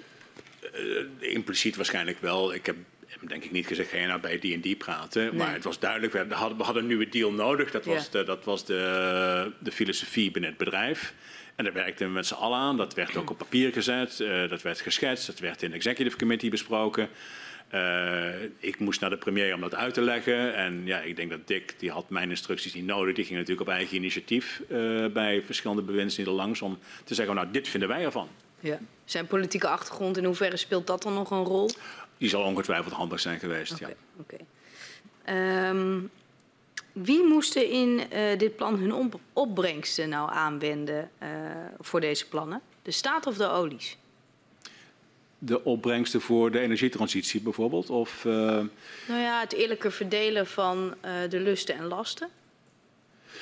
Nou, kijk, er waren twee dingen aan de hand. Uh, we begonnen in die tijd, zeker bij 27, begonnen we uit te komen op uh, 95% gaat naar de overheid. En 5% gaat naar de aandeelhouders. Mm -hmm. Dus daar was ten eerste, denk ik, een, een, herverdeling voor nodig. Want die 5% die werd steeds minder overigens. Ja? Uh, maar tegelijkertijd uh, ook meer lusten naar de Groningers. Mm. Uh, ja, en in mijn optiek moest dat komen uit het staatsaandeel, uiteraard. Wij waren overigens, dat heb ik altijd gezegd, wij waren bereid om in Groningen te investeren in andere zaken dan gaswinning. Ja. In 2017 en 2018 zijn we zelfs zo ver gegaan door te zeggen van nou, alle winst die wij nog maken in Groningen als Shell, die gaan we investeren in de provincie. In andersoortige projecten, bijvoorbeeld Noord H2, et cetera. Mm -hmm. Met commissaris van de Koning ook vaak over gesproken. Uh, maar uiteindelijk de grote gasdeling, hè, wat de inkomsten van Nederland, de 364 miljard die Nederland eruit heeft gehad, ja, daarvan vond ik dat er een deel terug moest naar de provincie voor het ontwikkelen van de provincie. Ja. Dus als ik het goed begrijp, dan zegt u de, de opbrengsten die um, de aandeelhouders kregen, dat wilden we investeren in uh, de nieuwe energietransitie. Um, en we hadden ook ideeën over uh, het beter verdelen van de lusten en lasten. Uh, namelijk het deel van de overheid. zou de overheid meer bij de Groningers moeten uh, terugleggen. Ja, en ik denk dat we daar steeds meer concretere ideeën over kregen. Op een gegeven moment kwam natuurlijk het idee van... kunnen we niet meer investeren in waterstof? Uh, ja, dat kan. Uh, dat doen we nu ook. maar Groningen was daar bij uitstek geschikt voor. Uh, ten eerste is er natuurlijk een, een groot stuk uh, noordelijke Noordzee waarin we windparken konden aanleggen. Mm. Uh, we konden een waterstofsysteem bouwen in Groningen. De hele infrastructuur voor de verdeling van waterstof was al beschikbaar. Uh, en daar wilden wij graag in investeren. En ja. dat, uh, niet alleen wij, we hebben er ook anderen bij gehaald. GasUnie erbij gehaald. Uh, RWE erbij gehaald. en wij vonden en vinden nog steeds dat dat een, een, een hele mooie manier is om toch uh, technische competenties, de rol van Groningen en het energiesysteem, om dat te behouden. Dus het, het, het idee was meer zekerheid uh, over hoeveel mogen we winnen, ja. uh, op langjarig. En daarvoor terug gaat de aandeelhouder, aandeelhouder investeren in de energietransitie in het noorden. En zou de staat uh, meer uh, van zijn opbrengsten moeten investeren in de regio? Dat was de gedachte. Dat was de gedachte, dat was de, de New Deal. De New Deal. Ja, en natuurlijk was het het investeren van, uh, van meer staatsopbrengst in de energietransitie was niet alleen beperkt tot Groningen natuurlijk. En dat is ook niet zo gebeurd. Uiteindelijk is ook een, natuurlijk een heel groot deel van van het, de, de, overheidsinkomsten zijn gegaan naar energietransitieprojecten op de Noordzee en naar andere bedrijven, et cetera. Maar Groningen had daar voor ons een speciale rol als Shell. Uh, u vertelde er al over, u gaat uh, deze New Deal ook bespreken met de minister-president en dat gebeurt op 4 december 2015. Uh, waarom had u nou besloten om zelf dat gesprek te gaan voeren? Nou, dit was een heel belangrijk punt. Hè. Het, uh, de MOR die bestond al, de meeropbrengstregeling bestond al uh, sinds de 70 jaren. Uh, ja, dat was natuurlijk een beetje een heikel punt als dat allemaal heronderhandeld moest worden. Als daar een andere uh, verdeling van, uh, van die inkomsten moest komen. dat wij toch meer helderheid wilden hebben. en ik vond dat dat dat daar de minister-president bij betrokken moest zijn. En als we dan over dat soort zaken spraken, was het eigenlijk vanzelfsprekend dat ik dat gesprek zou voeren. Dan, daarvoor ga ik naar het torentje, dan niet, niet hmm. Marjan. Ja. En uh, in dat gesprek dat u dan met de premier heeft, uh, waarschuwt u hem dan ook voor de gevolgen die u ziet als uh, ja, het winningsniveau niet rond het niveau van 27 blijft? Ja, dat hebben we wel denk ik aan de orde gesteld. Uh, niet zo hard als wellicht daarna. Uh, en ik denk dat de minister-president was al, al, vrij snel in, uh, in ja, hoe zeg je het in goed Nederlands, in, in reassurance mode. Zeg van nee, nee, 27 is goed. Dat, dat begrijp ik ja. wel. Dat, dat, het moet ook inderdaad niet veel lager, dat begrijp ik wel. En ik begrijp jouw problemen wel, Ben. Het, je, als jij inderdaad steeds minder uh, mag, mag verdienen. Ja. En we houden wel, de, kosten gaan wel omhoog, dan op een gegeven moment breekt het. Maar om nou te zeggen, en ik, ik heb wel aangekaart, we moeten ook ja. praten dan over die meeropbrengstregeling, want dat, dat, ja. dat past niet meer, ik daar, voor, voordat we daar zijn, want ik, ik zie ook in een in een verslag dat Shell zelf heeft gemaakt, waarin een soort terugkoppeling wordt gegeven over dat gesprek, gesprek ja, dat u uh, ook vrij nadrukkelijk aan de orde stelt uh, de zorg die leeft bij Shell. Dat de verkoopstrategie van het Groningen gas eigenlijk op zijn kop gaat. die was voorheen heel erg gericht op zoveel mogelijk laagkolarisch gas kopen, verkopen en geen stikstofconversie toepassen. En er waren gedachten om dat om te draaien. en daarin ziet u een groot risico dat dat ook leidt tot vrij snel helemaal niet meer winnen in Groningen. en er zelfs 100 miljard euro op het spel staat. Dat lees ja, ik terug was... in het verslag. Maar dat mag ik dan aannemen dat u dat de premier ook heeft voorgehouden? Nou, dat, dat de stikstoffabriek en de conversie en de 100 miljard... en dat gesprek kan ik niet zozeer herinneren, meneer Van der Lee. Het, het staat uh, wel in het gesprekverslag. Ja, oké, okay, dan zal ik dat ongetwijfeld gezegd hebben. Uh, maar het... Uh, um, ik denk dat we, we maakten inderdaad ons toen zorgen, uh, en niet alleen wij, dat als we naar een situatie toe zouden gaan, uh, dat we uh, in feite dus steeds meer gas gingen importeren. Uh, meer stikstoffabrieken zouden bouwen om dat dan ook aan te lengen tot Groningen gaskwaliteit. -hmm. Uh, dat er een situatie kwam dat inderdaad uh, de, het beroep op Groningen steeds verder ging afnemen. Yeah. en dat we dus vrij snel op een onhoudbare situatie uit zouden komen. Nou, uiteindelijk is dat ook gebeurd. Mm -hmm. En uiteindelijk was ik er ook een groot voorstander van. maar niet met de inrichting, de fiscale inrichting van toen ter dag. Ja. Waarbij we dus nog steeds die meeropbrengstregeling hadden. Uh, en waarbij het bij 27 in feite al niet meer echt uitkomt. Mm -hmm.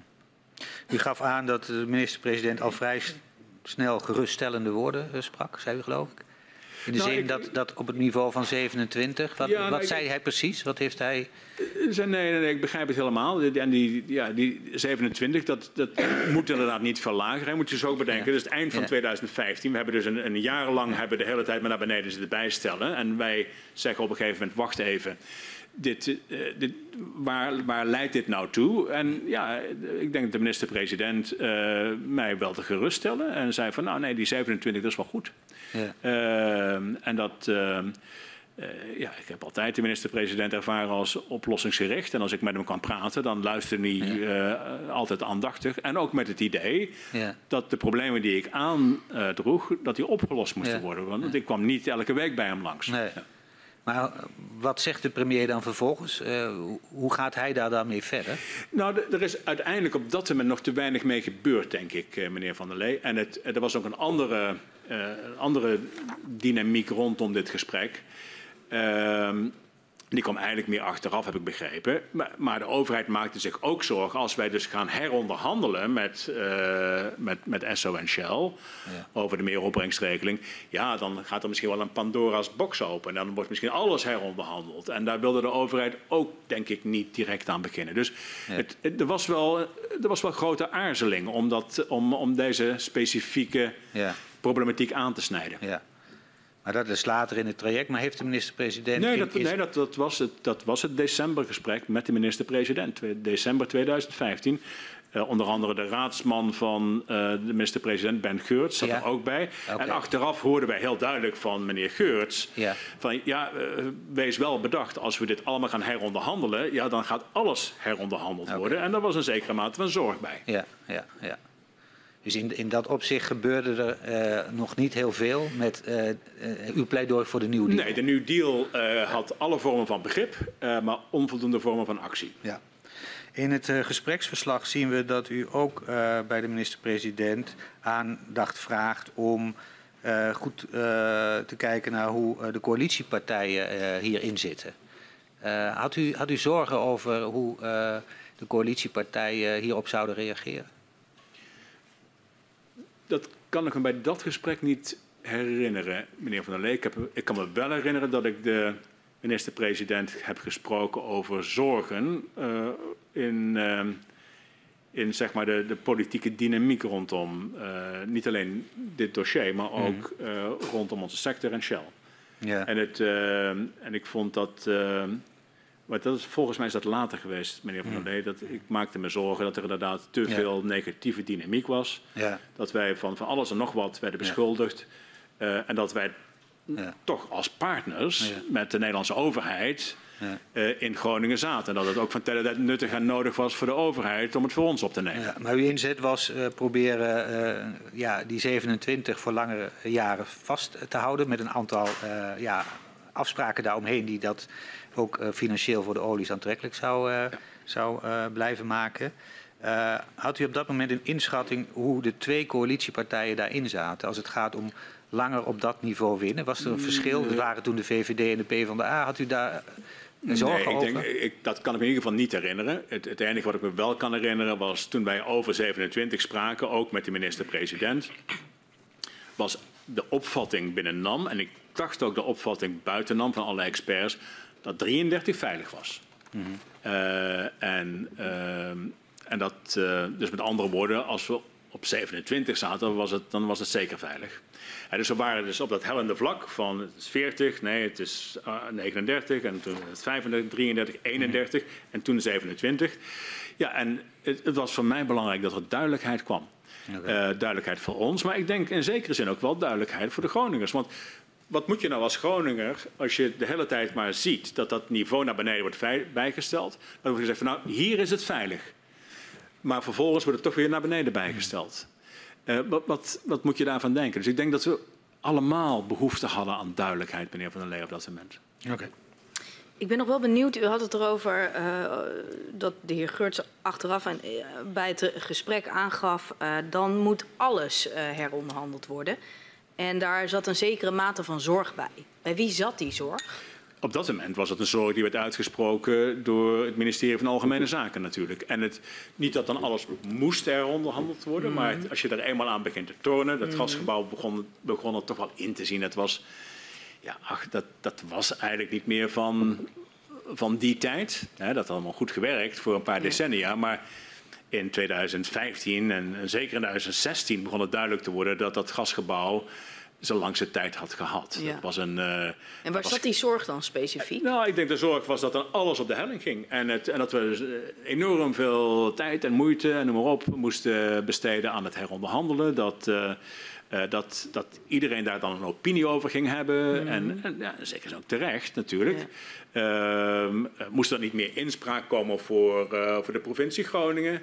Eh, want die zaten niet in het gasgebouw. Nou, wat mij betreft eh, was dat dan wel het geval. Ja. En misschien dat er dan inderdaad meer baten naar Groningen zouden moeten. Nou, wat mij betreft ook prima, maar dat was toen niet het geval. Dus ik denk dat daar wel degelijk heel veel ja, zorg was van, nou, als we daaraan beginnen, wa- waar beginnen we dan aan? Ja, en dat, eh, maar dat bleek achteraf ook hard nodig geweest te zijn. Ehm, in de notitie van Shell eh, uit november 2015 zien we dat naast de New Deal gesproken wordt over alternatieven als de onderhandelingen met de staat over het winningsniveau niet slagen. Ja. Ehm, u gaf al aan, nou er gebeurt eigenlijk ook gewoon weinig nog eh, qua perspectief met dat New Deal verhaal. Het beste alternatief, zo wordt vermeld, is een strijd over de kosten. Onder andere over aardbevingsgerelateerde kosten. Wat wordt hiermee bedoeld? Eh, dat strijd over kosten, dat kan ik me niet specifiek herinneren, mevrouw Kuik. Wat ik me wel kan herinneren is dat we eind 2015, ehm, terwijl we dus de hele tijd bezig zijn met het naar beneden bijstellen, ook nog een keer een Raad van State die een winningsbesluit vernietigt en noem maar op. Ik kan me nog wel herinneren dat ik op een bepaald moment heb gezegd van moeten we er gewoon niet helemaal uit. Eh, want dit, dit is inderdaad een eh, enigszins heilloos pad. Eh, maar het, het, de, de referentie naar het beheersen van kosten, is dat de referentie van NAM of een referentie van Shell? Van Shell. Het is een best eh, alternatief over hoe je de onderhandelingen dan gaat voeren. Dat is een notitie die, die opgesteld is door Shell. Die, die spreekt me even niet aan, mevrouw Kuik. Het, eh, Die, spre- die spreekt u niet aan? Of, ehm, nee, ik kan die even niet plaatsen. Eh, het is, er zijn, eh, dat is een notitie van notities. 30 november. Ehm, en daarin, ik zal hem even iets, iets meer aankleden. Misschien Maar van wie aan wie? Want dat, dat is misschien nuttig om te weten. Het is, het is opgesteld ehm, eh, door iemand vanuit Shell. We van hebben Hoogstraten. 80.000 mensen in Shell, dus dat... En uh, later uh, is er ook um, uh, in een briefing van um, de heer Benschop over een gesprek met de heer Rutte wordt er ook gesproken over reducing costs. dus het, het beperken ja, ja. van, van nou, nou, de ik, kosten. Het, het zal ongetwijfeld zo. Ja. Dat is een briefing, maar um, aan de voorkant wordt er dus een, een alternatief geschetst door de heer Van Hoogstraten bij nou. Shell Uh, het spijt me, maar ik, kan, ik ken deze notitie niet.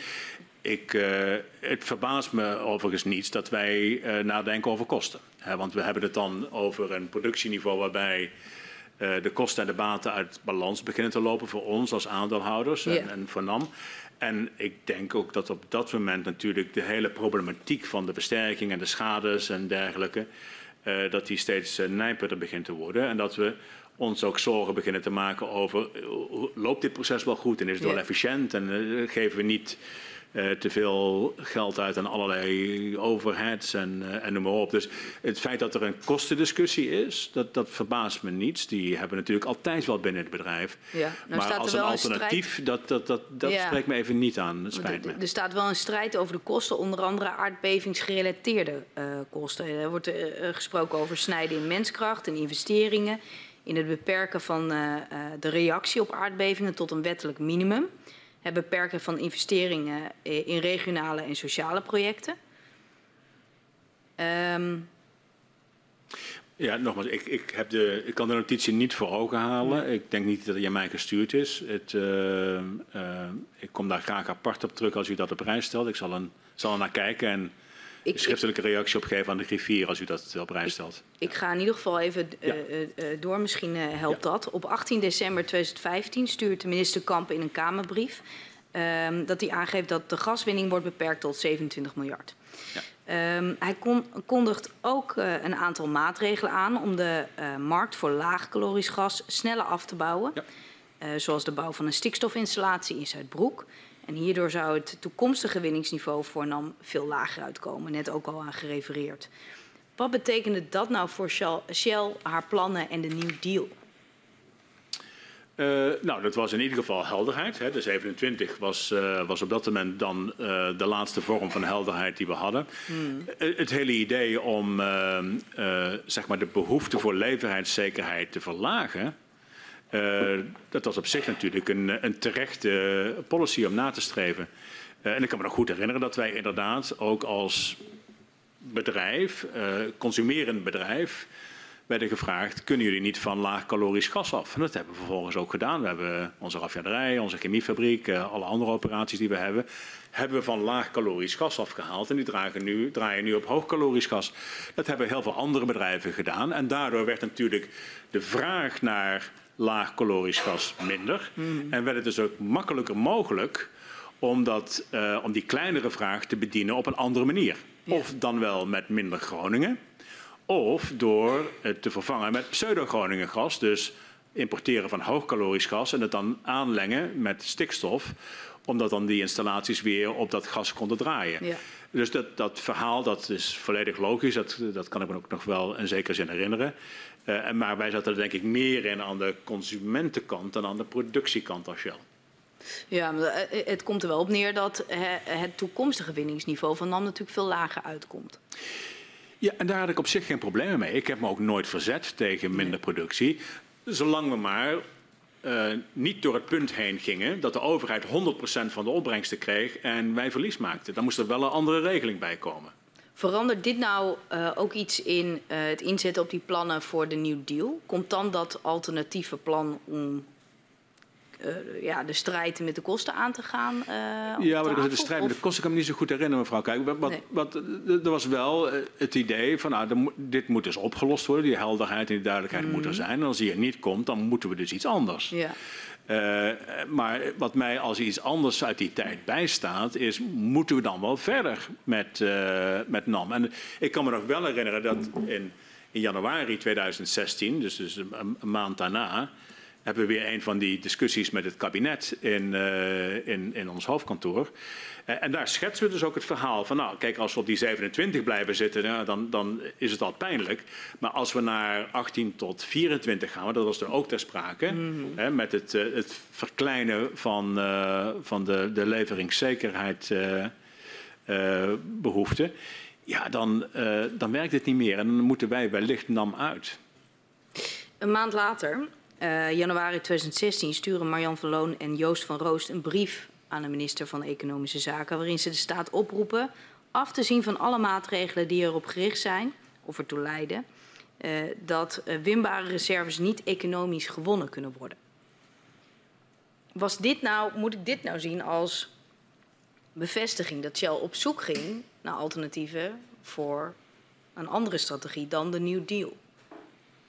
Nou, ik denk dat u dat niet zo moet zien, mevrouw Kuik. Ik heb, uh, ik heb natuurlijk ook het verhoor van Marjan van Loon gezien. Uh, daar heeft ze van gezegd, nou, ik had die brief beter niet kunnen sturen. Yeah. Dat is een vergissing. Dat heeft ze ook destijds tegen mij gezegd. Uh, ze was net een paar weken in haar, in haar functie. en ze zei van, nou nee, ik heb een brief gestuurd, dat was toch niet handig, Hoe had ik niet moeten dat, doen. Dat besef? Oh, vrij snel. Het, ergens een, ja, een paar weken daarna. Een paar weken daarna.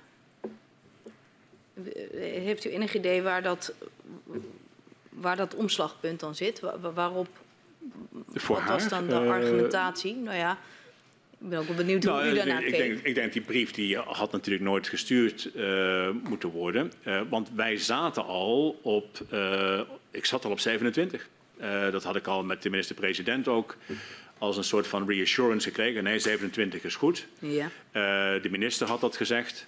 Het is wel zo overigens, mevrouw Kuik, dat de NAM op dat moment uh, vond dat 33 het getal was waarop het veilig was. Hmm.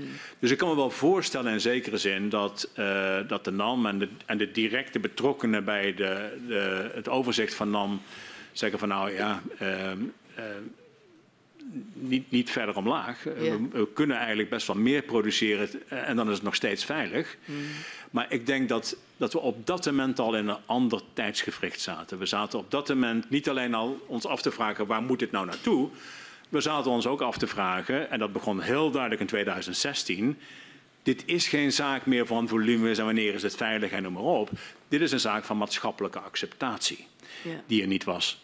Uh, mensen kan... maken zich uh, bezorgd over elke vorm van productie. En dat, en dat besef begon in 2016 heel duidelijk in te dalen. En die brief die paste dus als een tang op een varken wat mij betreft. Ja, want we, we, we zien een, in, uh, rond, die, rond diezelfde weken dat een memo opgesteld door Shell... dat eerder is besproken in het verhoor met NAM-directeur Schotman...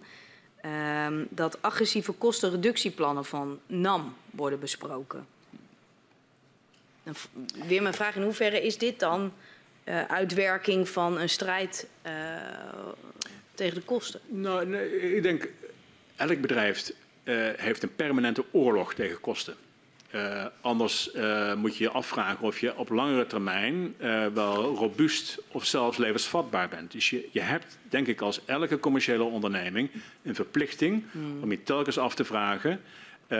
kan dit niet efficiënter, kan het niet beter? Ja. En wat wij zagen, zeker ook op dat moment, was dat er een enorme hoeveelheid overheidkosten gemoeid was met het, het managen van dat schadedossier.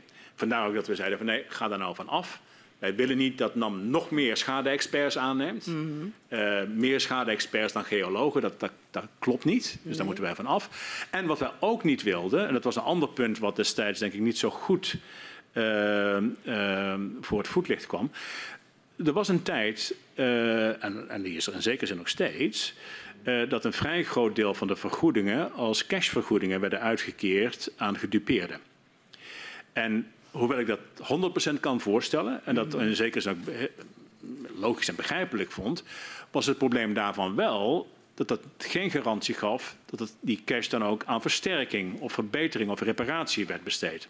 En dat was zorgelijk, want NAM had wel een wettelijke zorgplicht dat die risico's beheerst werden. Ja.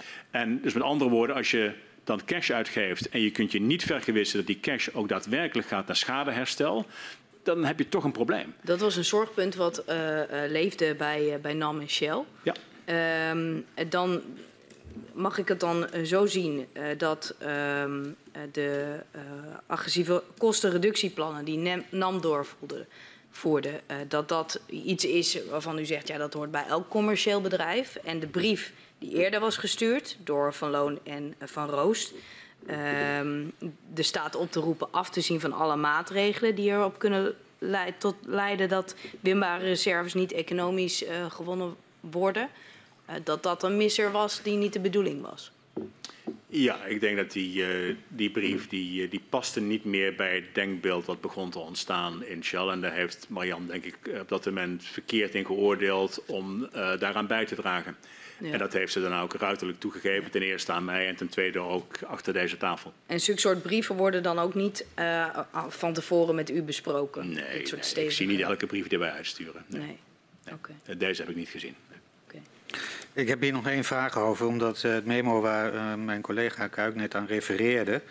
Uh, vlak, verschenen vlak voor en ook vanuit Shell gestuurd naar Exxon voordat die brief uitgaat in januari wordt benadrukt dat NAM en haar aandeelhouders echt zich moeten concentreren op het beïnvloeden van de andere betrokkenen partijen om een stabiele situatie te creëren. En in te zetten op de combinatie van een agressieve optimalisatie van kosten, maar ook om de juridische blootstellingen terug te dringen. Die juridische blootstellingen, ging dat ook over proberen terug te dringen op de aansprakelijkheid voor schade en versterken? Ik denk, de, ik kan me niet precies herinneren hoe die briefing eruit zag. Daar was ik ook niet bij betrokken natuurlijk. Maar ik kan me wel iets voorstellen bij dat verhaal. Het, uh, ten eerste wat ik zojuist aan mevrouw Kuik ook zei. Uh, als wij een zorgplicht hebben, uh, dan willen wij er ook voor zorgen dat de manier waarop wij die zorgplicht uitvoeren, dat die deugdelijk is. Dus met andere woorden, als er compensatie is voor schade dan graag ook de compensatie uitgeven aan het herstel. Dat, dat hoort bij diezelfde zorgplicht. Uh, ik denk dat in zijn algemeenheid ja, wij ons wel degelijk zorgen maakten over het feit dat die problemen steeds groter werden. Hè, het, we leefden toen ook in een tijd dat de schadedossiers maar groeiden en groeiden mm. en groeiden. Mm. we waren nog niet zover dat de rechtbanken zich hadden uitgesproken over het feit dat het allemaal onrechtmatig was wat wij mm. deden als NAM. Maar er was wel degelijk het besef dat het niet de goede kant op ging. Uh, en dat, uh, dat werd denk ik in eerste instantie nog enigszins juridisch ingekleurd. Mm. En dat begon voor mij in 2016 veel meer een soort van maatschappelijke probleem te worden. Als mm. wij als bedrijf zeggen, een van onze kernwaarden is respect voor mensen. En ik heb allerlei mensen die mij vertellen, privé en op aandeelhoudersvergaderingen en noem maar op, dat, dat mm. wij kennelijk geen respect voor ze hebben. Uh, en dat wij dingen doen die niet door de beugel kunnen. en dat mensen met angst en beven van het kastje naar de muur lopen. Ja, dan kunnen we wel praten over veiligheid en zorgplicht en noem maar op. Maar dan is dat het grootste probleem geworden. Dan is het probleem is maatschappelijke acceptatie van onze handelingen. En ik denk dat het onvoldoende was om op dat moment te zeggen, nou, nee, we hebben een winplicht. Ik wil toch even terug naar mijn vraag. Want uh, kijk, we hebben, uh, collega Kuik heeft net aangegeven dat er een alternatieve strategie was bedacht ten opzichte van de New Deal. Die, uh, en dat gaf u aan, niet snel van de grond komt. We zien dat er wordt ingezet uh, echt op een agressieve manier op kostenreductie, maar ook het verminderen van de blootstelling op juridische uh, ja, aansprakelijkheden. zat daar nou ook achter het idee om door dit te doen de, de overheid ja, via een soort hefboom weer naar de onderhandelingstafel te krijgen? Nee, zo heb ik dat destijds niet ervaren, meneer Van der Leden. Er waren wat mij betreft waren daar twee parallele paden. Uh, ik heb uh, meerdere malen, uh, voor zover ik daar de gelegenheid toe had, de overheid en anderen aangesproken op er moet een nieuwe deal komen. -hmm. En nogmaals, een nieuw deal was niet alleen het herstellen van de fiscale onbalans, maar het was ook gasdeling, dus meer -hmm. geld naar Groningen, een maatschappelijk draagvlak, het geld gebruiken voor de energietransitie, et cetera, et cetera, et cetera. -hmm. En parallel daaraan ja. Uh, was natuurlijk deugdelijke bedrijfsvoering dat we mm. kosten beheersten en risico's beheersten. Okay. Dat was geen alternatief voor de New Deal. Dat is een evergreen uh, mm. operatie binnen elk bedrijf. Okay. Op dit punt in het voor willen we ook even wat algemene vragen stellen over de schade die is ontstaan. Sinds de aardbeving in Huizingen zijn er in Groningen meer dan 220.000 schademeldingen ingediend voor schade veroorzaakt door aardbevingen. Hoeveel schade uit mijnbouwactiviteiten vindt u of vindt Shell eigenlijk acceptabel? Daar is denk ik geen uh, geaccepteerde definitie voor. Ik denk dat het schadepatroon wat wij begonnen te zien na Huizingen, dat dat eigenlijk onacceptabel was. Mm -hmm. En het, ik denk dat wij te lang hebben geprobeerd om dat probleem op te lossen. Wij zagen twee problemen. Dat was ten eerste het begrijpen van de aardbevingen, het zorgen dat uh, het allemaal veilig was, dat we de bijdamnorm haalden en maar op. En aan de andere kant het zo deugdelijk mogelijk afhandelen van alle schade. En ik denk dat we uh, nu moeten concluderen dat uh, dat eerste punt zijn we al uitgekomen. nul is het juiste antwoord. Het tweede punt hebben we nooit opgelost. Het afhand deugdelijk afhandelen van schade. En de niveaus of het, het, volume aan schademeldingen, uh, de, de, onbegrijpelijke complexiteit die daar dan mm. ook bij hoort om dat goed af te handelen, met alle beste wil van de wereld overigens. Mm. Ja. ja, dat is gewoon totaal onacceptabel en ontoereikend gebleken. Mm. Dus als u zegt van nou, wat is, is dit nou een, logisch bijverschijnsel, moeten we het maar accepteren? Nee, totaal niet. Tien keer minder, ook totaal niet wat mij betreft, meneer Van der Lee. Ik denk dat dit uit de hand gelopen is. Ja. Toch lijkt uh, het bedrijf lang op de premisse te opereren dat je schade mag veroorzaken zolang je genoeg geld beschikbaar stelt om de schade te herstellen of financieel te compenseren. Heeft ja. u nou een nieuwe norm intern ontwikkeld na deze ervaring? Nou, ik denk dat wij dus uh, gaandeweg nolens volens in, de, in, in, die soort van semi-overheidssituatie terechtkwamen. Dat we aan de ene kant hè, moesten met de overheid samenwerken om het land en Noordwest-Europa van energie te voorzien. Ja. En aan de andere kant moesten we dus die schadeproblemen oplossen. Ja. Uh, en uh, dat hebben we denk ik met uh, naar eer en geweten proberen te doen. Ja. en dat, maar dat werd natuurlijk steeds ingewikkelder. Maar ook steeds meer begon het inzicht te in te dalen dat het daar eigenlijk niet om ging. Ja. dat het geen kwestie was van nou, nog efficiënter zijn met de schadeafhandeling of nog meer geld er tegenaan. Het, het, het was gewoon niet te doen. Ja. En het was ook niet meer acceptabel. Ja. Het was niet meer acceptabel om gas te produceren en te zeggen, nou die schade die zorgen wij wel voor. Natuurlijk zorgden wij wel voor de schade, maar hij moest er in eerste instantie niet komen. En meer, meer in generieke zin, uh, vindt u nou, of kijkt u nou naar de overheid als het gaat om uh, het stellen van normen of grenzen aan uh, welke schade veroorzaakt mag worden door mijnbouwactiviteiten? Of uh, heeft u ook een eigen verantwoordelijkheid als bedrijf om daar ook zelf normen op te hebben? En nee, ik denk dat we daar zelf normen op moeten hebben. Daar ben ik eigenlijk wel heel duidelijk over. Uh, en dat gaat terug wat ik al zei uh, op een eerdere vraag. Dat heet respect voor mensen. Hmm.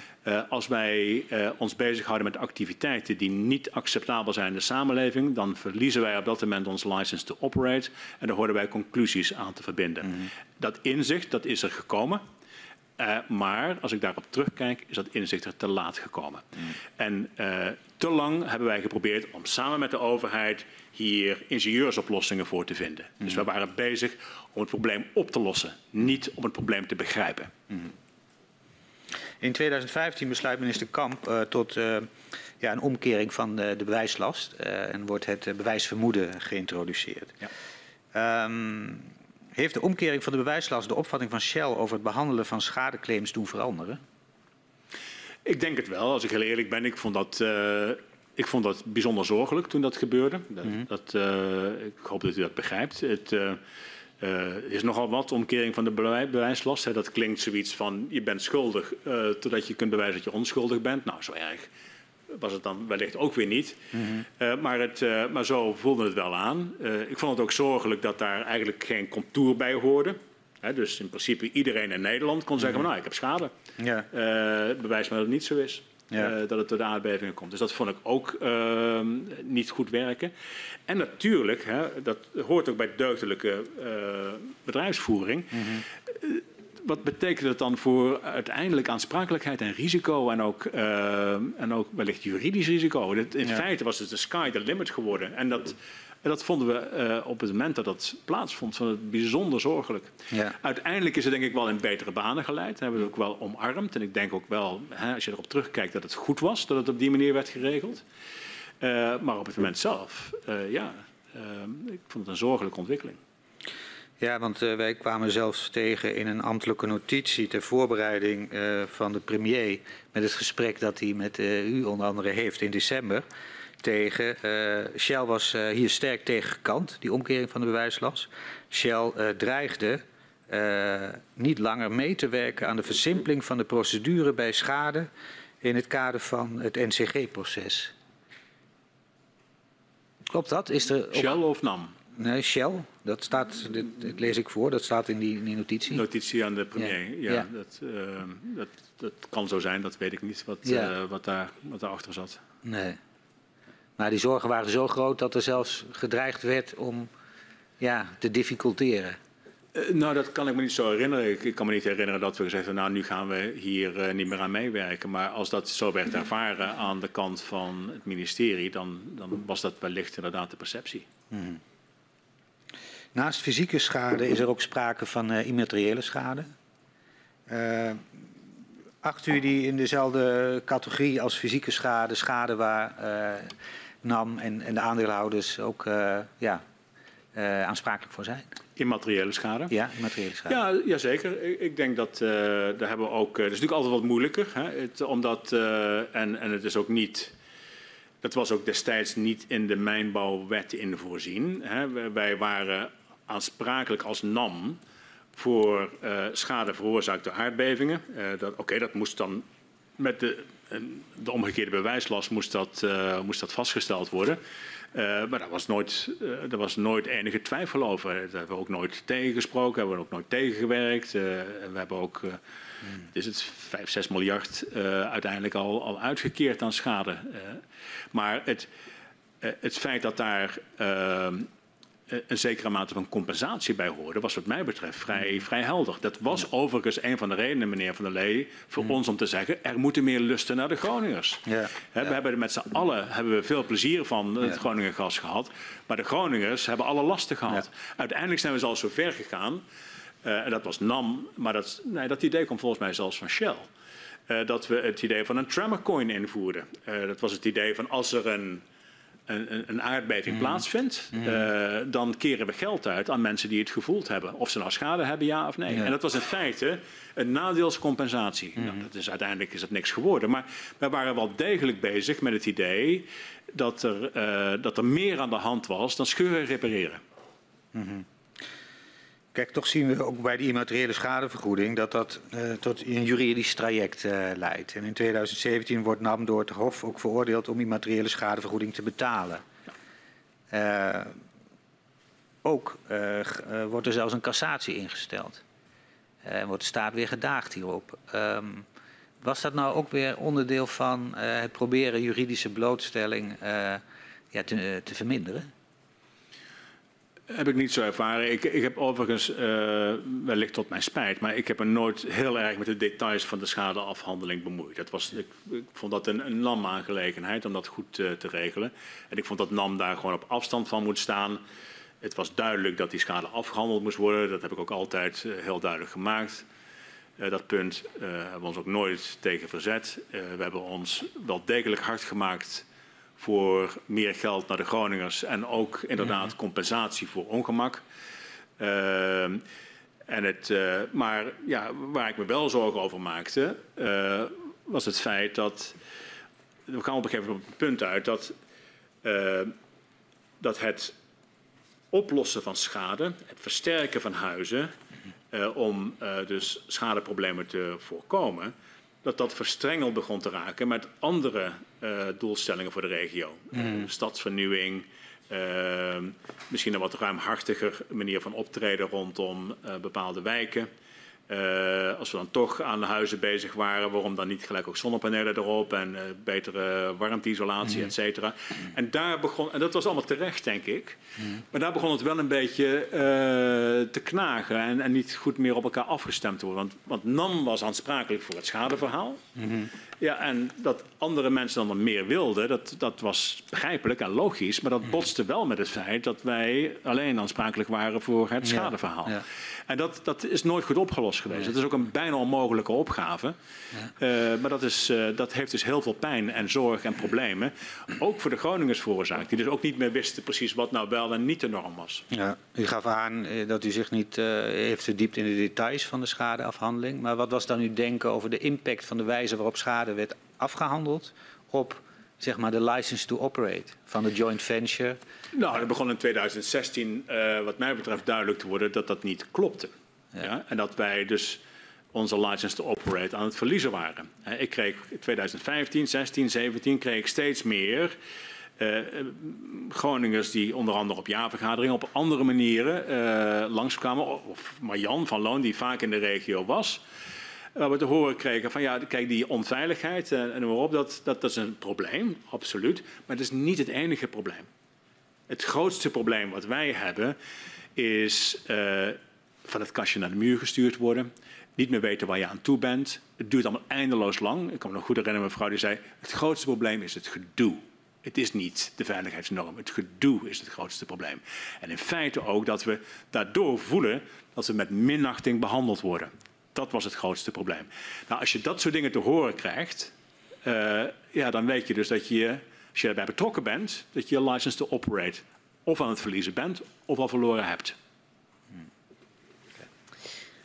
Okay. Um, 1 april 2016 dient uh, NAM een nieuwwinningsplan in. Ik pak dit even als punt, zodat we weten waar we in de tijd zijn. In diezelfde maand overhandigt een medewerker van Shell een memo uh, aan de raadsadviseur van uh, uh, het ministerie van Algemene Zaken. Mm -hmm. En boven dat memo staat um, dat deze alleen voor de minister-president bedoeld is.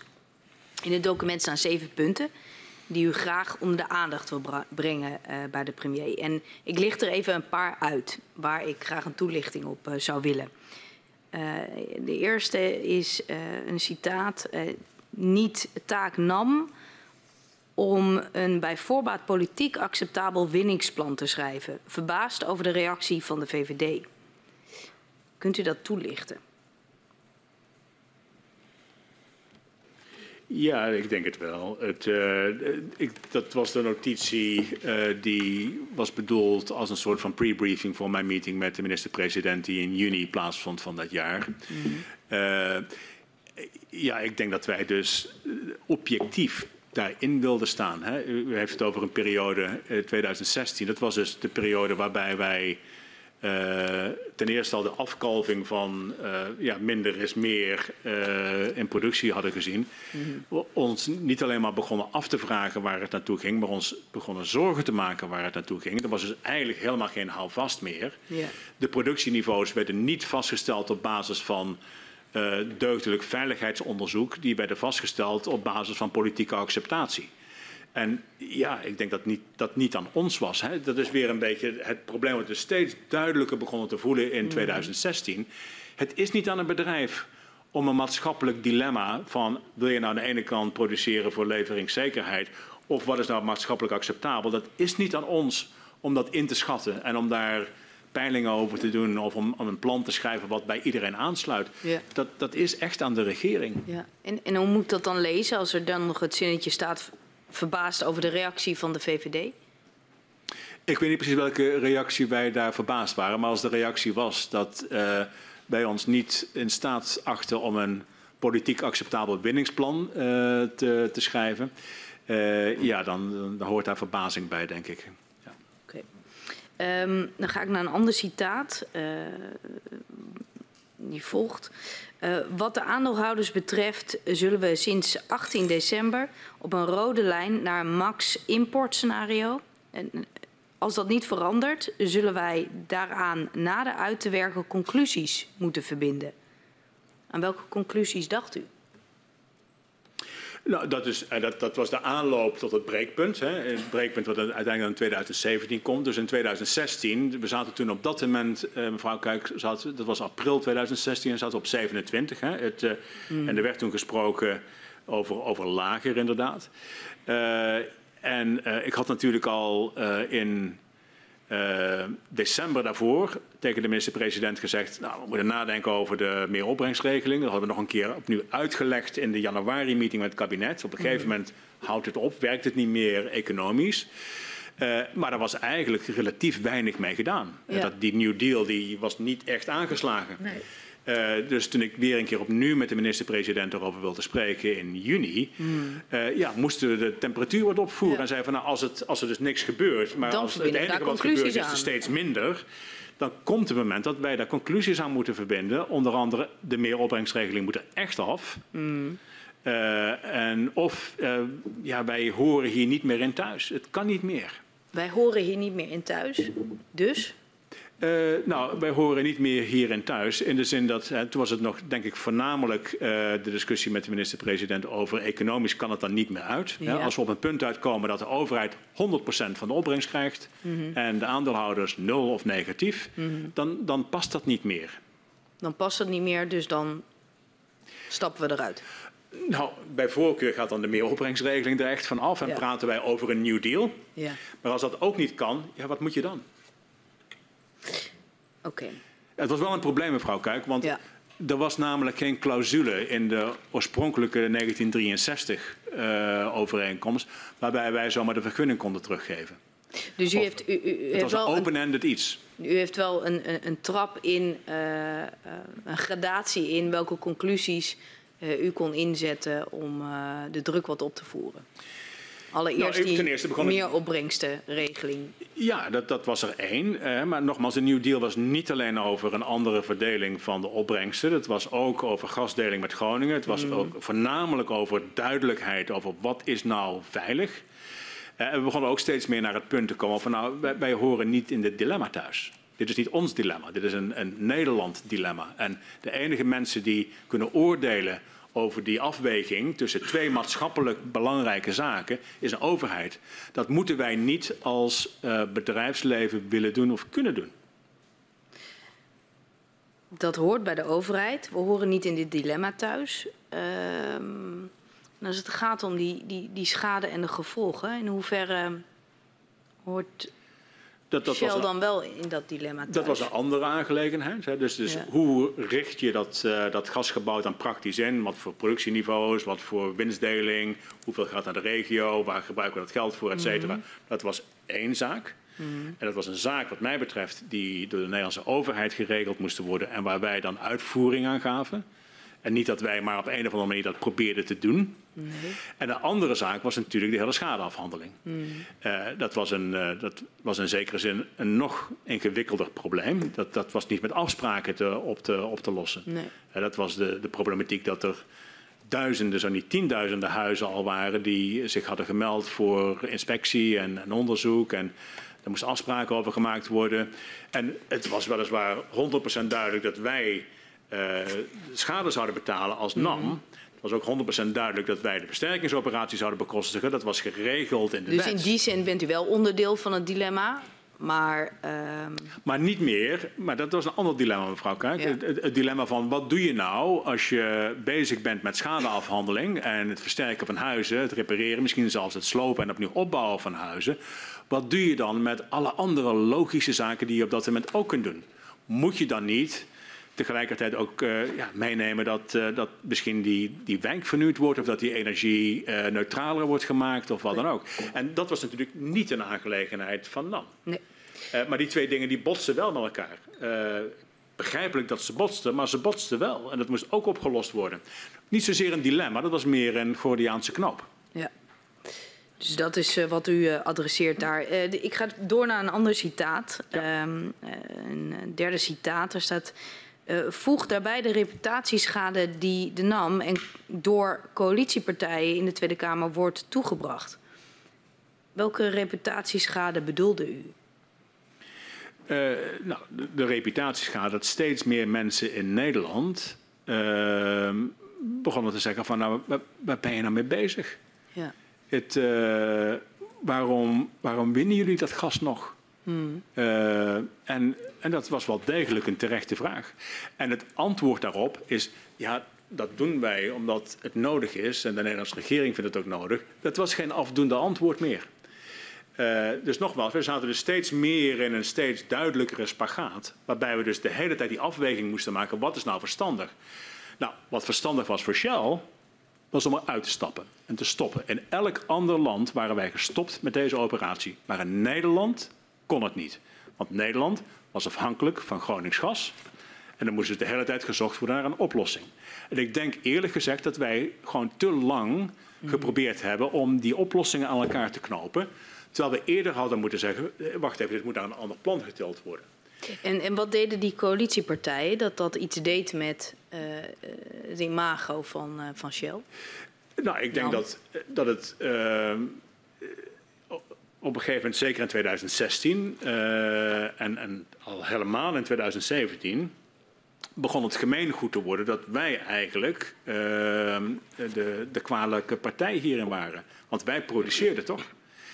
Uh, en ik, en ik, ik, inderdaad, ik stoorde mij daaraan, want wij, hadden, wij, wij zagen de overheid als een partner waar wij afspraken maakten, waar wij samen zorgden voor die leveringszekerheid, waarbij we samen zorgden om te kijken wat de risico's waren, et cetera, et cetera. We probeerden ook de versterking zo goed mogelijk te doen, de schadeafhandeling, et cetera.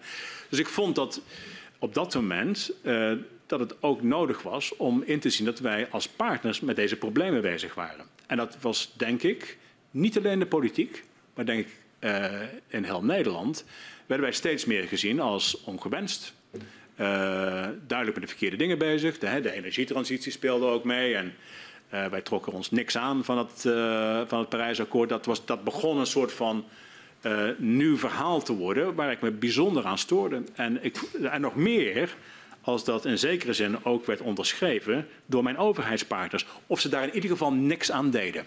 Mm -hmm. Dan uh, op het punt van, uh, uh, van draagvlak. u stuurt aan op het geven van iets extra's voor Groningers. Nou, we hebben net al een aantal punten ja. Gehoord over dat eerlijke verdelen van de, ehm, van de lusten en, en lasten. daar bestelt u met andere woorden niet terughoudend zijn zoals EZ nu lijkt te zijn, in het streven naar waardemaximalisatie, maar zoeken naar wegen om dit mogelijk te maken. Wat bedoelde u met terughoudendheid die u zag bij EZ? We hebben het nog steeds over april of juni 2016. We hebben nog steeds over hetzelfde. Uh, notitie uh, aan meneer notitie. Uh,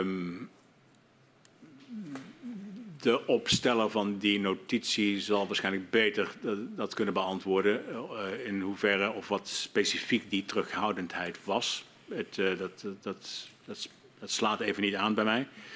Uh, maar ja, nogmaals, we zaten toen in, de, in 2016 in die collectieve zoektocht van wat is nou het, het niveau. En, dat, en, dat, en nogmaals, we hadden dus in, in feite al uh, deugdelijk technische risicodenken losgelaten. Het was eigenlijk meer van uh, wat is nou politiek haalbaar en wat kan ja. nog net uit en hoeveel geld hebben we nou eigenlijk nodig en, en hoeveel winst mag jij nog maken, et cetera. Dus het was niet meer een een, een, zeg maar een risicoafweging, dat was een belangenafweging. En, en wat ik al zei, daar hoorden wij niet meer in thuis. Nee. Hoe precies die belangen werden gewogen in EZK, dat, dat, dat weet ik nou helemaal niet, mevrouw u, u, u, u, gaf al aan, het is fijn voor ons om zekerheid te hebben en een bepaald niveau te kunnen blijven winnen. Ja. Um, en daartegenover zoeken we naar wegen om dit te blijven mogelijk maken, dat we kunnen blijven winnen. Uh, um, u heeft al een Inderdaad. beetje een inkijkje gegeven welke wegen u dacht. Um, Welke wegen had Shell voor ogen om dat te nou, blijven het, behouden? Voor dat aspect van de New Deal, hè, dus het, productieaspect, wat ik al zei, de New Deal was niet alleen productie en niet alleen uh, de verdeling tussen de staat en de aandeelhouders.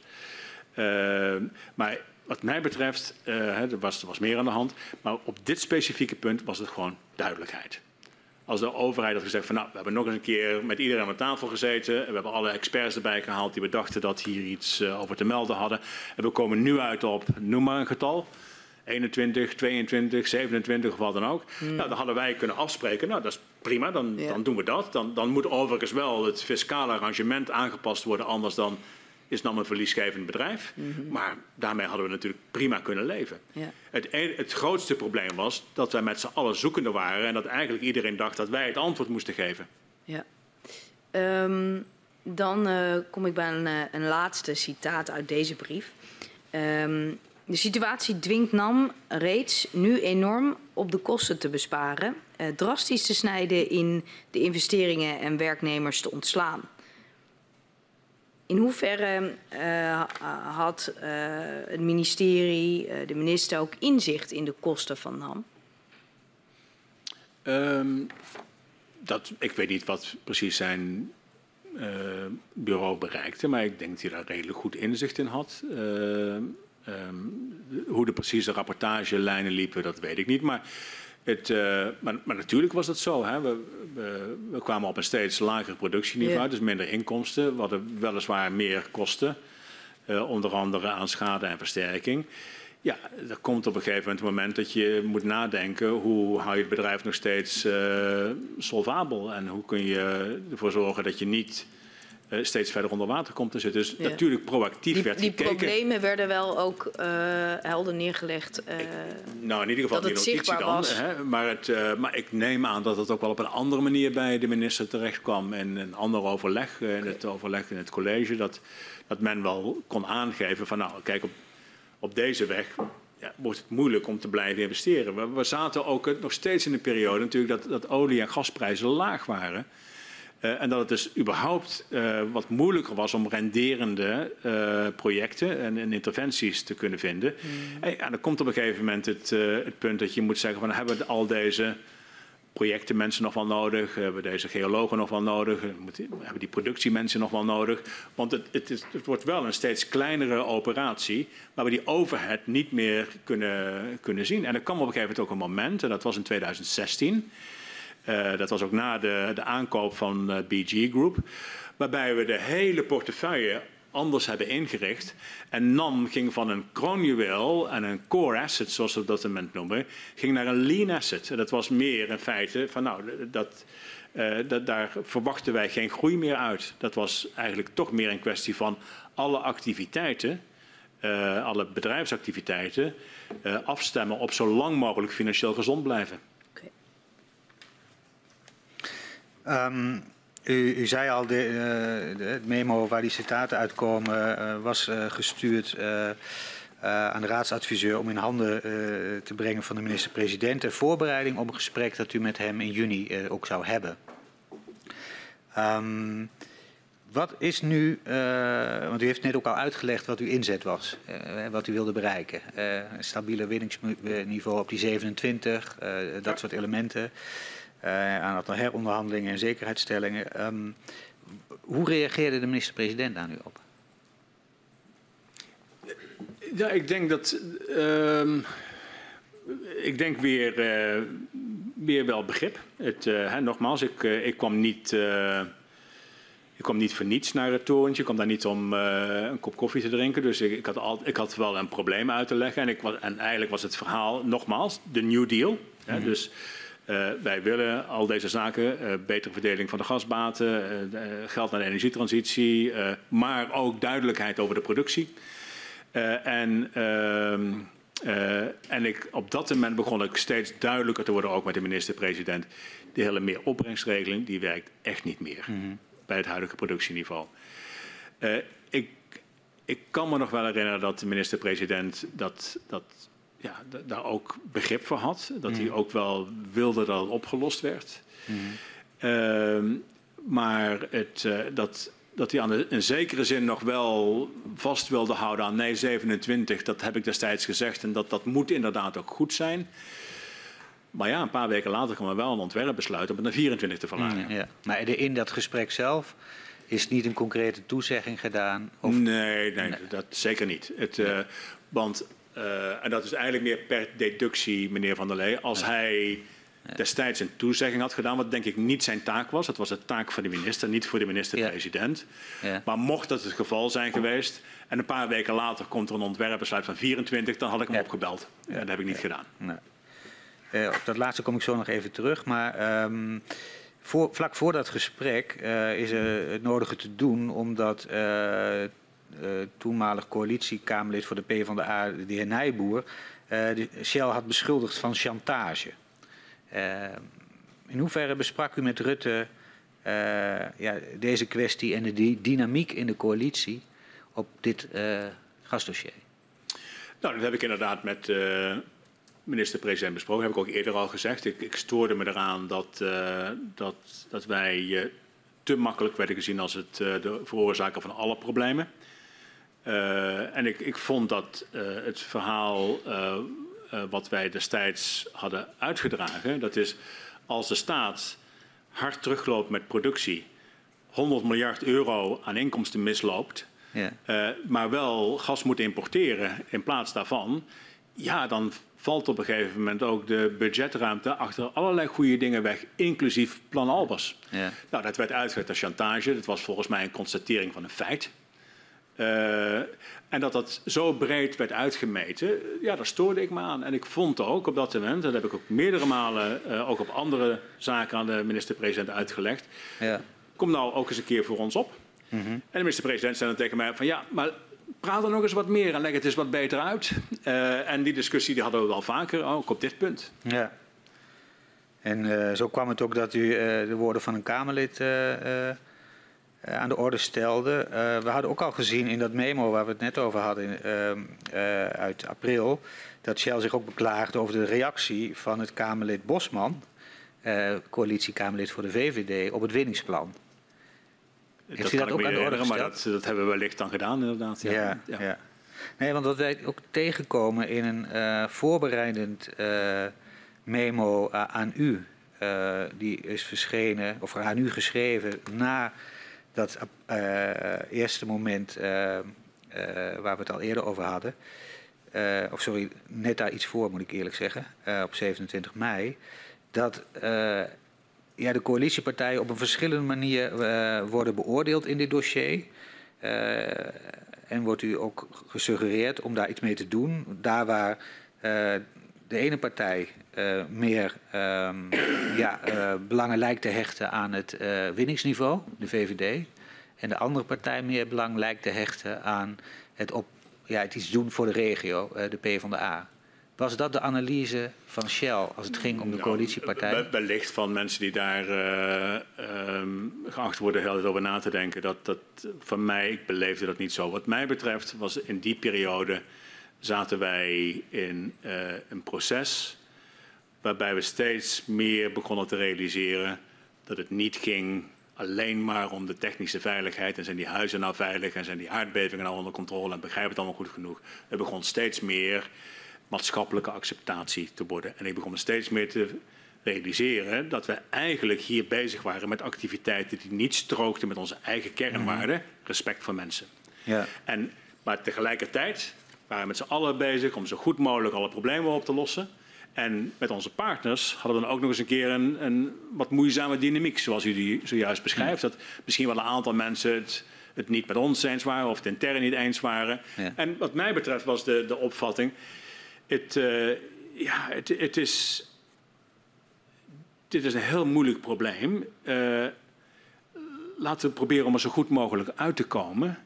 Uh, we zijn hier met allerlei oplossingen ja. ideeën bezig. Vallen ons nou niet af terwijl we proberen om het probleem op te lossen. Nou, maar mijn vraag, was eigenlijk, mijn vraag was eigenlijk wat simpeler. Uh, in hoeverre werd er nou uh, geanalyseerd dat de coalitiepartijen er verschillend in zaten in dit dossier? En werd daar uh, op een bepaalde manier op ingespeeld? Want we zien bijvoorbeeld. Niet, niet door mij. Het, nee. Wat mij betreft, ik. Um, um, het maakte mij niet zoveel uit hoe de verschillende partijen daarin zaten, zolang ik maar met een een, een overheid uh, kon merken die, die helder en duidelijk was in het maken van mm. afspraken en wat eraan gedaan werd. Dat, dat daar vervolgens een, een dynamiek in de coalitiepartijen en de mm. Kamer en maar op bij hoort. Daar, daar kon ik wel iets van vinden, maar dat was niet, uh, ja, dat was niet zien, pertinent voor de beslissingen. Ja, we zien dat kort voor het gesprek dat u heeft met de minister-president, uh, minister Dijsselbloem aankondigt dat er 244 miljoen euro extra naar het aardbevingsgebied gaat. Uh, Welke rol uh, ja, speelde deze toezegging uh, in het gesprek met Rutte, dan wel in het denken over de nieuwe deal van Shell? Niet, denk ik. Het, uh, dat, nee, het, ik denk dat wij het over andersoortige bedragen hadden als het ging. En voor mij was het ook toch voornamelijk. Uh, er begonnen steeds meer te worden en 17 al helemaal veel meer. Wat kunnen wij nou doen om meer in Groningen te investeren? Hoe kan de overheid daarbij helpen? Ehm, en het, dus het was een ander soort van dynamiek van, dan wat u nu aangeeft. Uh, dat er, dat er uh, een paar procent van de gasbaten naar Groningen extra zou gaan. Ja, maar hoopte Shell erop dat als er meer geld naar de regio zou gaan, de, de PvdA tevreden gesteld kon worden en uh, dat daardoor het winningsniveau op een nee, wat hoger niveau meer geld naar de regio blijven. was niet voor de Partij van de Arbeid bedoeld, dat was nee. voor de regio bedoeld. Okay. in mijn optiek ja. was het draagvlak in de regio was verloren gegaan. Ja. het was ook eigenlijk, als we erop terugkijken, met alle last die de regio had, was het eigenlijk onvoorstelbaar dat er te Mhm. weinig geld naar die regio ging. Mm -hmm. Uh, en natuurlijk hadden wij verplichting om die schade te herstellen, maar er moest eigenlijk veel Ja. meer in die regio gebeuren. En daar wilden wij ons voor inzetten. Mhm. Dat had niks te maken met welke politieke partij wat wil. Oké. Okay. U, u, refereerde er al aan, uh, niet veel later besluit minister Kamp tot een winningsniveau van 24 miljard uh, kuub. Ja. Um, wel voor de komende vier jaar. Uh, wat vond u van die uitkomst? Uh, nou, dat, dat uh, kan ik me niet meer precies herinneren op die dag, maar dat was natuurlijk voor ons toen een, een probleem. Het, want bij 24 hadden wij al eerder becijferd, begon de winstverdeling die van 85, 15 naar 90, 10 naar 95, 5 was gegaan, die begon nog verder richting 100% overheid, nul aandeelhouders te gaan. Mm -hmm. Waar die precies uit zou komen in tweede, in, met, met, die 24, dat hebben we denk ik nooit ondervonden. Mm -hmm. uh, want vlak daarna ging die, naar, ging die weer 10% lager. Mm -hmm. uh, en toen kwamen we dus op het breekpunt uit. We ja. zeiden van nou, nu, nu kan ja. het echt niet meer. Uh, niet alleen ging het financieel niet meer, maar nu komen we ook op het punt uit dat, dat zowel rechtbanken als ministers ja. zeggen van nou, het er is geen veilig winningsniveau. Nou, ja. dat, is, dat, is, onmogelijk om dat te accepteren. Goed, daar gaan we straks over doorspreken. Want we hebben nu ruim zeven kwartier al gesproken. Dus het lijkt me goed om even te pauzeren voor een kwartier. En ik verzoek de griffier om u en uw steunverlener even naar buiten te glijden. Fijn, prima. Dank u wel.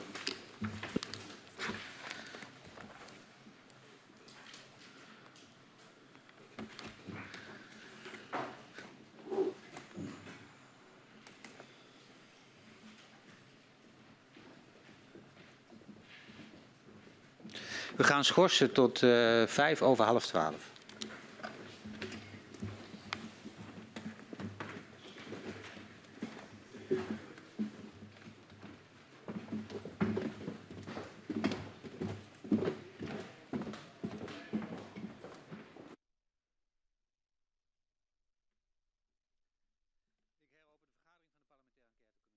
In Groningen. Aan de orde is het vervolg van het verhoor met de heer Van Beurden. Ik verzoek de griffier om hem en zijn steunverlener naar binnen te geleiden.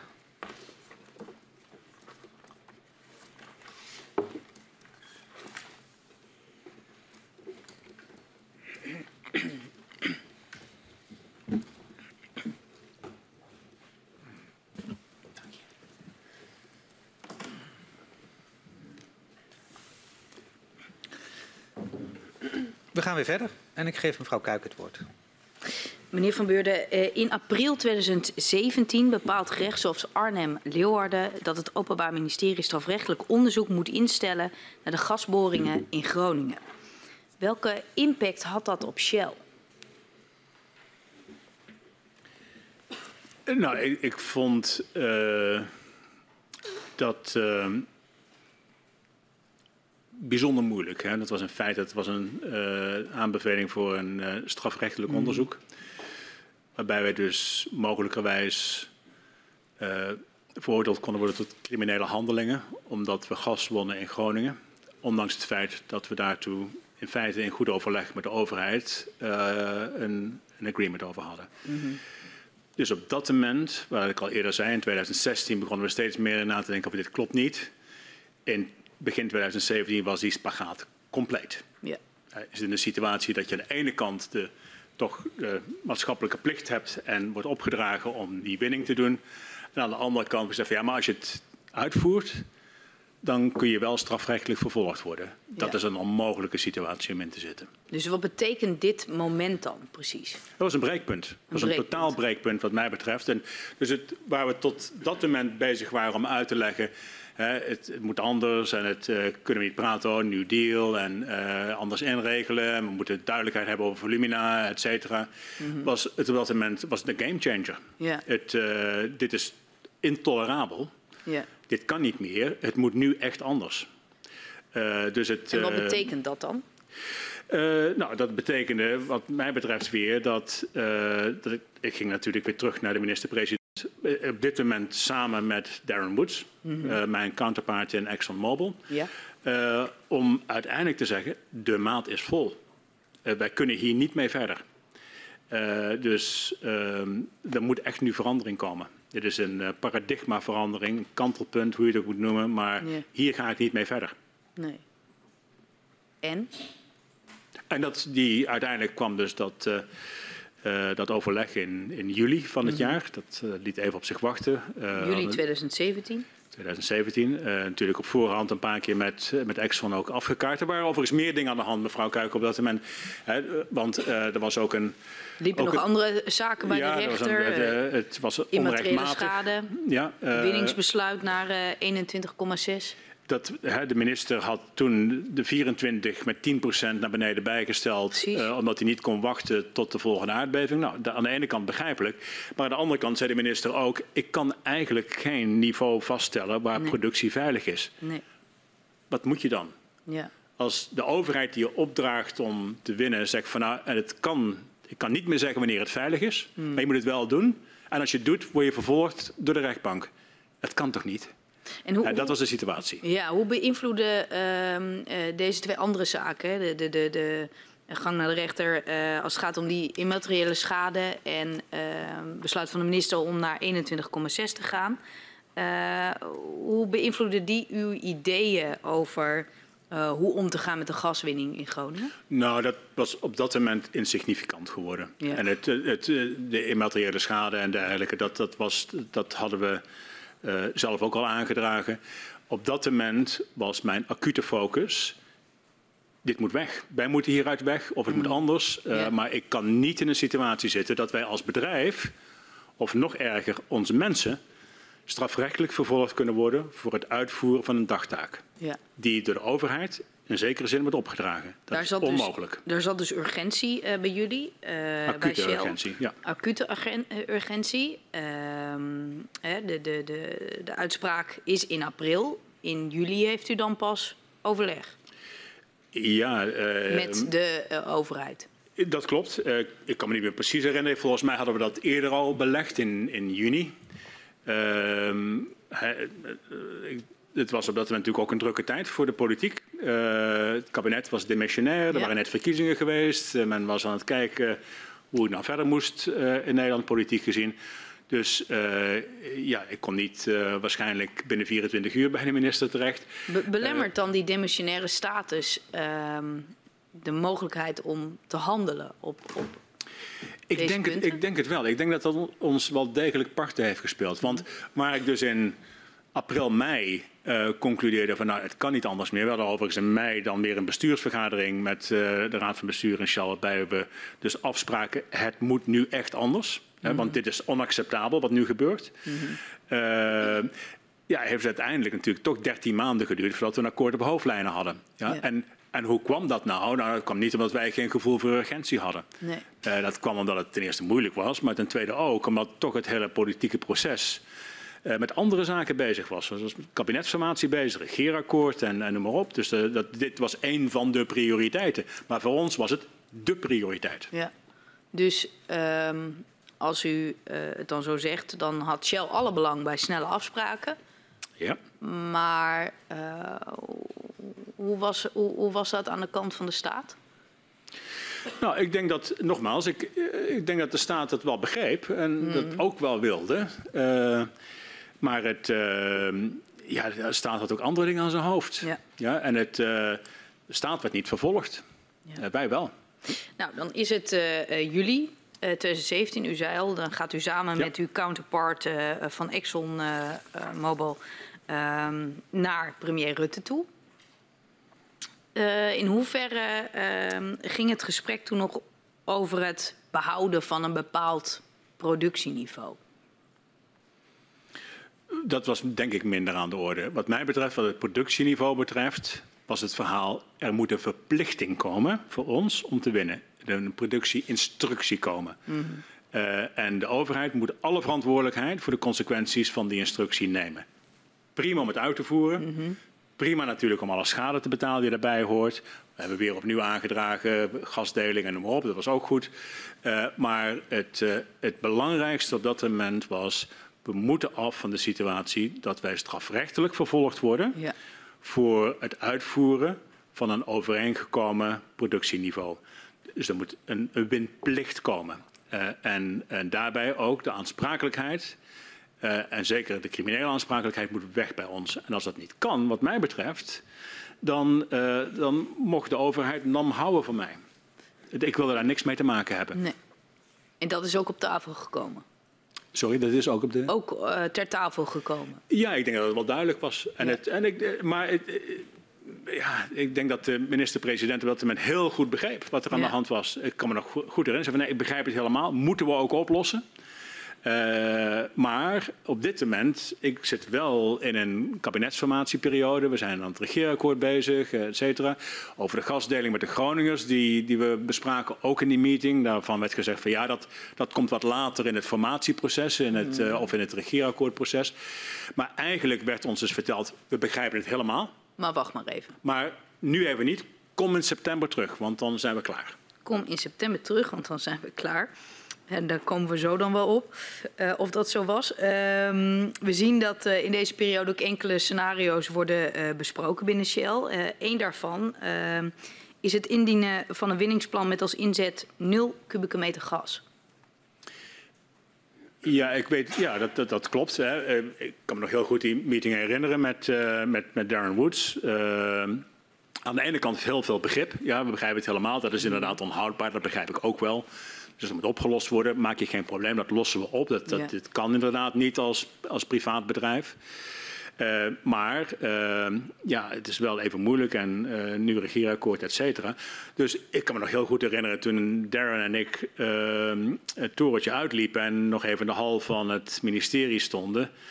Zeiden van nou ja, het, als dit maar inderdaad snel loopt, dan is september wel haalbaar. En wat moet er dan gebeuren met het nieuwe gasjaar? En we maakten ons allebei genoeg zorgen om, voor mij om te zeggen, nou weet je, als het niet wordt opgelost, dan dienen we gewoon een winningsplan in met nul.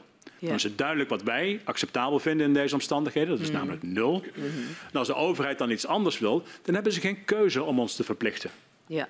Dus wat mij betreft was het zo hoog opgelopen dat we het op die manier moesten bespreken. Nou, wat, dat heb ik ook teruggerapporteerd is, in het team. Is dat ook zo op tafel gekomen richting de premier? Hoe u nee, nee, nee dat, dat, was een, dat was een. Het was een, achteraf. Dat was een achteraf. Naar aanleiding van het gesprek uh, dat u ja, met uw counterpart. En ik uh, zeiden van oké, okay, dan zien we elkaar weer in september. Oké. Okay. Yeah. Yeah. Maar als er nou in september nog geen voortgang is, wat dan? Uh, want ja. we kunnen niet in zekere zin zitten we al, wat mij betreft zaten we al sinds 2015, zeker 16, mm. zaten we aan te dringen op iets anders. Uh, en nu was het niet een kwestie van aandringen, nu was het, uh, was het zo bedreigend dat het acuut moest. Ja. Maar er gebeurde de hele tijd niks. En dan is het september? Uh, in september was er nog steeds geen regeerakkoord. Dus er was ook geen meeting nee. met de minister-president. Dat regeerakkoord kwam eigenlijk pas in oktober, als ik me herinner. En daar stond niks in over windplicht. Nee. Uh, het enige wat daarin stond is we gaan met anderhalf BCM omlaag in de regeerperiode. Nou, dat was nou niet echt bepaald een oplossing wat mij betreft. Nee. Uh, dus Wat is uw reactie daar dan op? Nou, ik was daarin teleurgesteld, zonder meer. Ik, uh, ik vond dus dat wij, ondanks het feit dat we onze problemen duidelijk op tafel hadden gelegd, een toezegging hadden dat het moet opgelost worden. Uh, waren we dus uiteindelijk in oktober geconfronteerd met uh, het resultaat van de overwegingen. En dat was eigenlijk niks. Dus, het, uh, dus er moest een nieuwe meeting komen. en die kwam uiteindelijk pas in januari 2018. Oké. Okay toch nog even weer een stapje terug in de tijd. Tuurlijk, uh, ja. Wel na dat gesprek dat u met Darren Woods en de premier hebt gehad. In augustus 2017 stellen Shell en Exxon uh, ten behoeve van uh, de gesprekken of zelfs onderhandelingen later met de staat een conceptintentieverklaring op. Deze wordt in november met het ministerie van Economische Zaken gedeeld. Daarin staat onder andere dat het niveau van de gaswinning uit Groningen is gebaseerd op de afweging tussen publieke belangen en niet langer op waardemaximalisatie. Dat heeft u ook al eerder in het verhoor uh, genoemd. Um, en dat betekent uh, dus dat de publieke belangen. Kunt u mij uitleggen welke publieke belangen u toen vooral op het vizier had?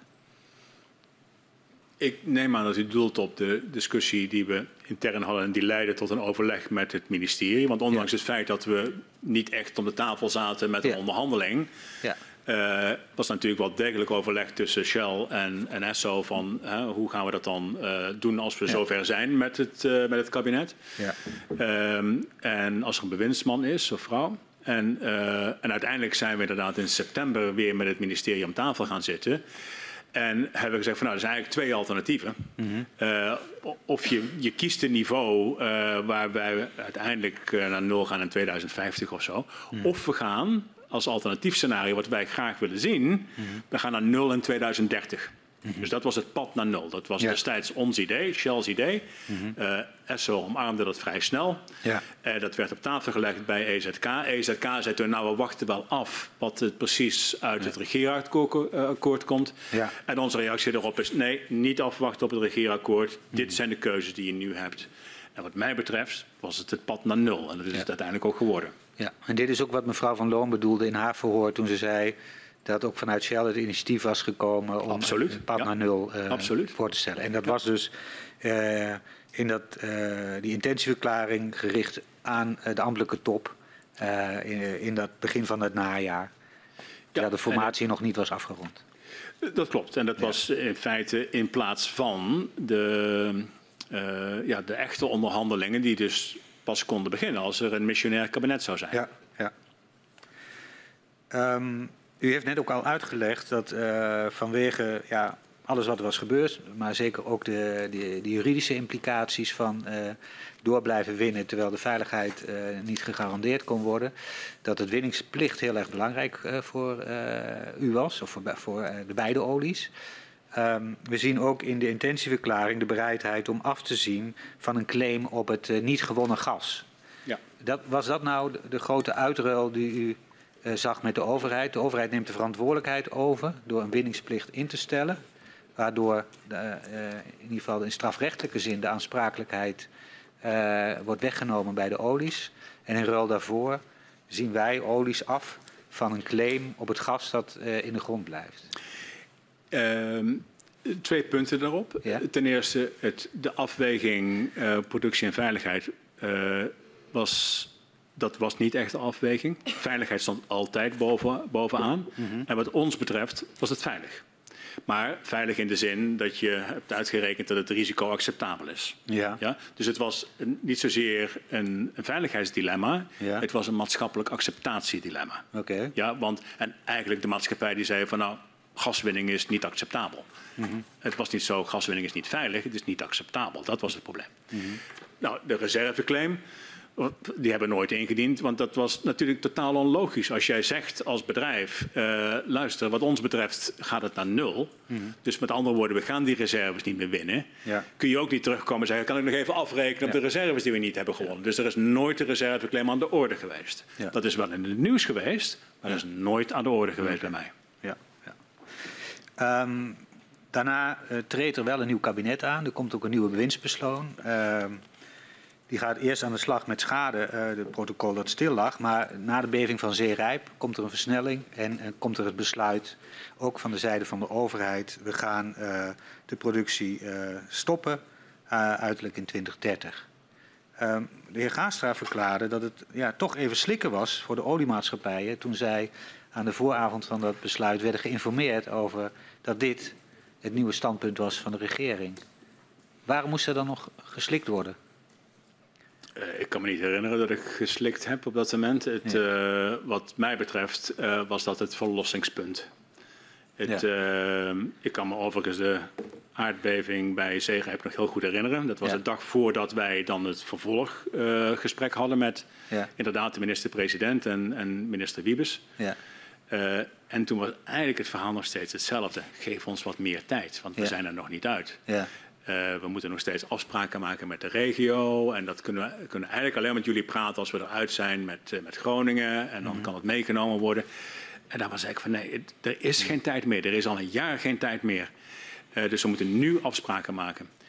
Uh, en dat, dat, dat heeft toen nog enige tijd geduurd. Uh, maar wat mij betreft, daarna kwam eigenlijk de verlossing dat, we, dat we inderdaad naar nul gingen. En dat we dus dat akkoord op hoofdlijnen daadwerkelijk konden onderhandelen met het pad naar nul, wat wij in september al op tafel hadden gelegd. Dus, dus voor u was het een verlossing? Absoluut. Maar de, de indruk bij het ministerie was dat er uh, in ieder geval bij de onderhandelaars uh, van de zijde van de olies geslikt moest worden toen dit bekend werd. Dat is toch apart, vindt u niet? Zeker, uh, ja. Daarom ja. ben ik ook benieuwd naar de verklaring. Dat we dus al jarenlang zeggen, dit is een probleem waar, waar echt iets anders mee moet. Dat er een nieuw deal moet komen. Dat we, ja. dat we in feite, hè, we hebben het dan nu over maart 2018. Dat wij al vanaf mei 2017 zeggen, het is onhoudbaar, de maat is vol dan kan het toch geen verbazing zijn dat wij het als een verlossing zien dat we, naar, dat we dit probleem nu uiteindelijk gaan oplossen. Mhm. Ik denk dat misschien het, het, denkbeeld wat, wat er was van nou deze mensen zijn alleen uit op geld, dat dat gewoon te lang en te diep uh, vastgehouden is geweest. Uh, wat mij betreft was het probleem heel duidelijk. Het was het verloren gaan van ons maatschappelijk license to operate. Mm -hmm. uh, en uiteindelijk, toen dat zich kristalliseerde in rechtszaken en de minister die zei van nou er is geen veilig niveau mm -hmm. meer, was het een totaal onhoudbare situatie gekomen. Mm. Mm. En het idee dat wij op een of andere manier toch hoopten dat we zoveel mogelijk konden produceren, dat, ja, dat vind ik mm. vreemd. Ik dacht dat wij vrij duidelijk waren daarover. Ja. U, u, gaf daar straks uh, aan uh, dat u zich ook wel stoorde aan de wijze waarop zeg maar, in politiek Den Haag uh, er nogal met de vinger naar NAM en de aandeelhouders werd ge gewezen. Stoorde u het op dit moment in de tijd dat de overheid de initiatiefnemer leek te zijn uh, naar uh, het nulscenario, terwijl u daar als bedrijf al langer voor had gepleit? Speelde nee, want zo, zo, zo zag ik dat helemaal niet op dat moment. Ik, ik, uh, hoe ik het ervoer toen we naar nul gingen, was van nou, het is eindelijk duidelijk. En ja, dat was inderdaad, dat, dat scenario herken ik. Ik herken ook 2030, want wij hadden dat voorgesteld. Oké, okay, mooi. Uh, het, uh, uh, uiteindelijk was dat een beslissing die alleen maar door de mm. overheid genomen kon worden. Ja. ja? ja. Hadden we ook altijd voor eh, bepleit ja. dat, dat productiebeslissingen overheidsbeslissingen waren. dus dat, nee, dat stoorde mij totaal niet. Dat de overheid dan uiteindelijk ook die verantwoordelijkheid nam. En zat, zat, zat uw counterpartner Exxon daar precies zo in? of was het voor hun wel slikken? Ja, oh, dat weet ik niet. Ik heb, uh, ik heb niet uh, waargenomen hoe Exxon erop reageerde. Maar, het, uh, maar we zaten daar allebei op dezelfde manier in. Het, het was voor zowel Darren als voor mij onacceptabel waarin wij beland waren. misschien dat we dan allebei een andere beleving hadden hoe we er gekomen waren. Maar het was heel duidelijk hoe we eruit zouden komen. Hmm. Namelijk met of een windplicht of een windplicht naar nul. Uh, maar heel duidelijk, de verantwoordelijkheid die, uh, die, is, die ligt niet meer bij ons. Uh, en dat het naar nul gaat, is prima. En ik denk ook aan de Exxon-zijde was er vrij snel het inzicht dat als je zelf bepleit dat je naar nul gaat, kun je geen reserveclaim indienen. Ja, oké. Okay. Ehm, we zien dat u in augustus 2017 ook in gesprek gaat met de commissaris van de Koning, de ja. heer Paas, over een pakket aan maatregelen in de regio. Eh, Shell treedt vervolgens eh, direct in overleg eh, met de bestuurlijke vertegenwoordigers in de regio. Waarom koos u ervoor om direct die dialoog aan te gaan met de regio? Um, nou, ik weet nou niet zozeer dat een hele bewuste keuze was. Het was logisch, denk ik, dat ik de commissaris van de Koning zou zien. Uh, we hadden natuurlijk vaker overleg met verschillende lagen in het provinciale bestuur. Eh, het was vlak na de zomer, kan ik me herinneren. Ik was net terug van vakantie. Mm. we hadden natuurlijk eh, voor die zomer de meeting gehad met de minister-president en Darren Woods. en ja, het was eigenlijk wel logisch, denk ik, om aan de commissaris uit te leggen hoe wij daarin zaten. Ja. Uh, en ik was vrij duidelijk met hem. Ik zei van nou, dat, dit, het, is, het is onacceptabel, het is onverdraagbaar geworden. Wij willen, wij willen hieruit. Of er moeten hele duidelijke afspraken gemaakt worden over waar de verantwoordelijkheid ligt. Hmm. Uh, en als dat niet kan, dan, dan stoppen we ermee. Uh, en ik kan me ook nog herinneren dat ik tegen commissaris destijds heeft gezegd, wat mij betreft gaan we dan gelijk naar nul. Ja, ik, Ehm. want ik zie uit de inlichtingen eh, van Shell ook dat eh, er ook ehm, ja, eh, nou ja, een beetje eh, een storend ervaren eh, gevoel was eh, dat, dat er een, ja, een slome aanpak was eh, vanuit de overheid, de, de, de, de economische zakenkant. Dat het allemaal niet snel genoeg ging. Ehm, dus vandaar dat ik denk, is, is, is dit dan een reden dat u zegt, nou dan doe ik het wel direct via de regio. Nee, nee, de regio had natuurlijk via geen. De eh, regio was, EZK. niet- sorry, eh, de regio was natuurlijk niet betrokken bij de productiekeuzes. Eh, dus het, ik, ik, Nee, ja, ik mag de- de- de- aannemen dat ik me wel heb Ja. uitgelaten als gefrustreerd of dat ik me gestoord heb aan de traagheid van, eh, van de afhandeling en de besluitvaardigheid rond, rondom dit. Ja. Ik denk wat, wat belangrijker was op dat moment eh, met meneer Paas. was dat we zeiden, eh, misschien willen, voor- wij willen nog misschien zo... nog even voor de helderheid. De, ik, ik krijg het beeld dat de traagheid, wa- wat u zegt, vooral zit bij wat, wat Shell ervaart bij economische zaken, het Klopt, ministerie. ja, ja. En niet per se bij de regio, maar dat dat een reden is om direct in dialoog te treden met de Nee, regio. ik denk dat, dat de dialoog met de regio was meer van... kijk, we willen natuurlijk... eh, het, is, het gaat niet alleen over eh, productie en, eh en noem maar op. Het gaat ook Mm. over hoe kunnen wij meer doen in de regio. Ja. We hadden daar in die tijd al relatief ver gevorderde plannen voor. Hè. De, een groot waterstofproject Noord H2, dat be- bestond al als een idee. En voor een deel was ook het, eh, de reden om met de commissaris te praten... is van, help ons mee. Ja. Het, kijk, wij vinden het prima om te zeggen meer naar de regio. Wij willen daar wel investeren. Later hebben we ook gezegd, al onze opbrengsten die nog uit Groningen komen, gaan ook naar de regio. Maar eh, mijn pleidooi voor eh, meneer Paas was eigenlijk van help ons daarmee. Want, want het is wel jouw regio. En dat heeft hij vervolgens ook gedaan. Ja, op een gegeven moment ligt er dan een, een pakket met een bedrag van meer dan 900 miljoen. Eh, voor een periode van vijf jaar. Eh, Vanuit boven- de boven- overheid of vanuit Shell?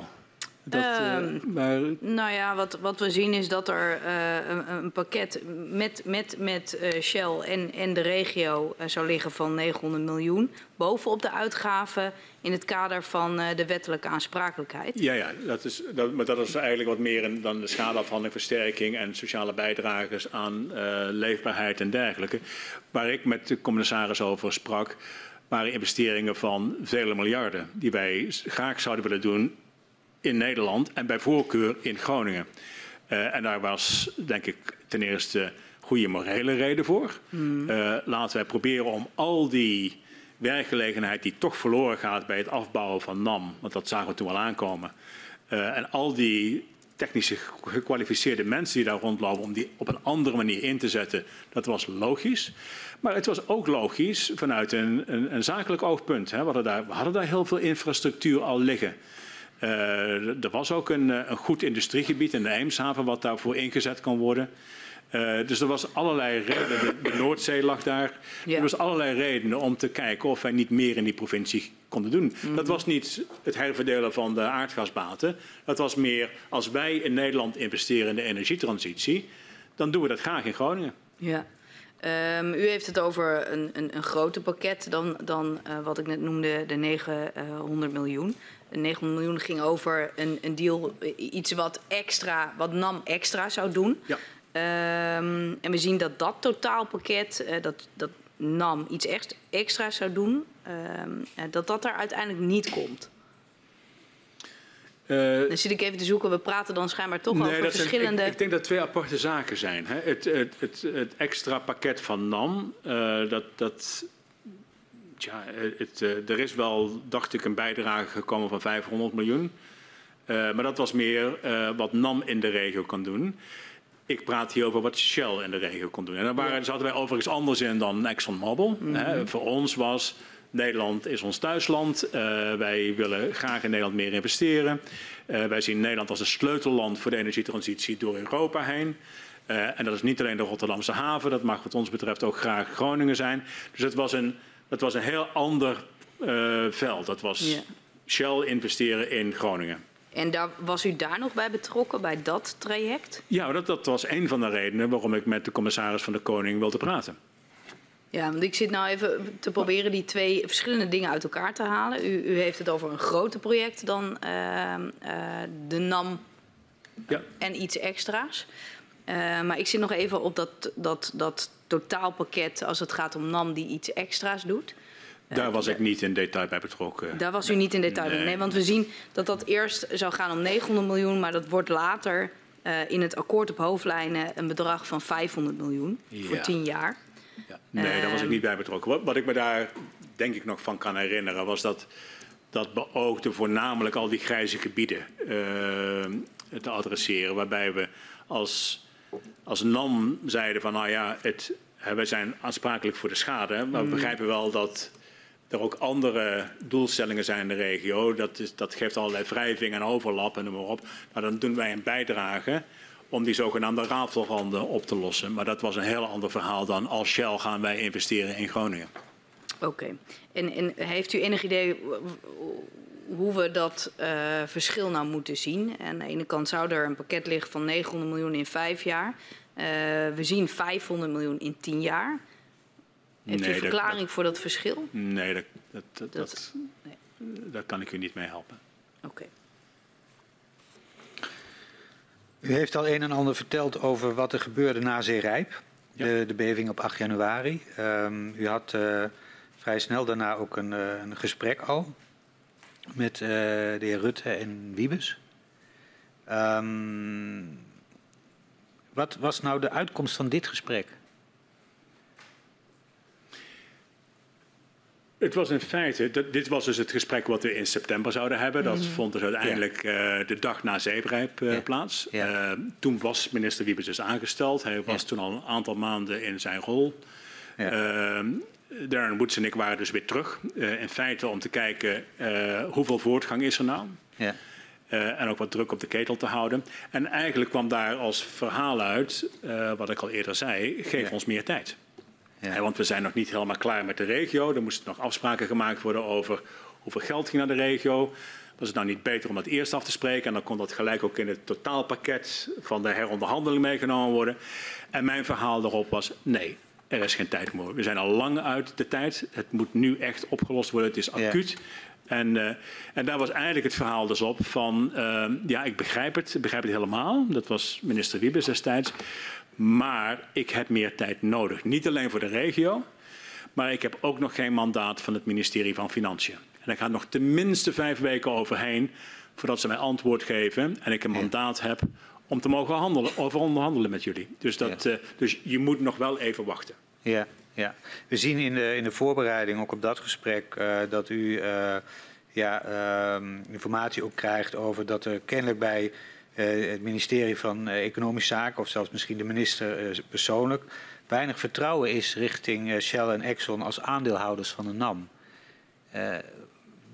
weet u waar dat wantrouwen in zat? Is dat nog ter sprake gekomen in, in dat gesprek dat u met de heer Wiebes en de heer Rutte had? Nee, dat, dat is niet ter sprake gekomen, voor zover ik me nee. kan herinneren. Het, ja. um, ja.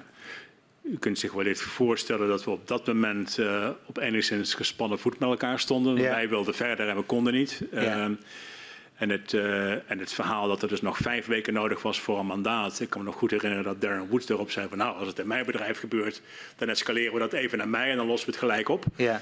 Uh, maar dat gebeurde dus niet. Hè. Uiteindelijk ja. moesten we weer een nieuwe afspraak maken. Laten we dan ja. maar in maart terugkomen. Ja. En dan hopelijk hebben we dan wel dat uh, akkoord op hoofdlijnen onderhandeld. Nou, dat is uiteindelijk juni geworden. Maar het, dus, ja, er was frustratie aan, aan onze kant dat het te lang duurde. Uh, dat er weliswaar werd gezegd, we begrijpen het helemaal, maar er gebeurt niks. Nee. En ik neem aan dat die frustratie wel een, een spiegelbeeld had aan de kant van de overheid. Ja, uh, ja. Maar wat dat nou ja. precies was, dat En heeft u na dat vragen. gesprek waar u toch ja, frustratie had over dat de overheid weer meer tijd uh, wilde, uh, nog stappen ondernomen, ook voorafgaand aan het nulbesluit van 29 maart, om de druk nog verder op te voeren op de overheid? Dat zal ongetwijfeld het geval zijn geweest. Ik persoonlijk niet. Nee. Ik, ik, ik, mag aannemen dat ik uh, ja. met gepaste regelmaat uh, het onderhandelingsteam heb gevraagd van ja. voortgang, voortgang, voortgang. Ja. en uiteindelijk kwam dus, wat ik al zei, het verlossende woord. Dan, we gaan naar nul. En toen was het van, oké, okay, dan kunnen we nu dus echt voortgang maken. Dan komt dat akkoord er wel. Dat duurde toen ook nog een keer drie maanden, maar dat kwam er uiteindelijk wel. En het was duidelijk dat het er zou komen. Ja, dus dat was een, een groot deel van uw oplichting. Zat hem juist in het feit dat de onderhandelingen na dit besluit ook on, onomstotelijk vaststonden dat dat moest gebeuren. Ja.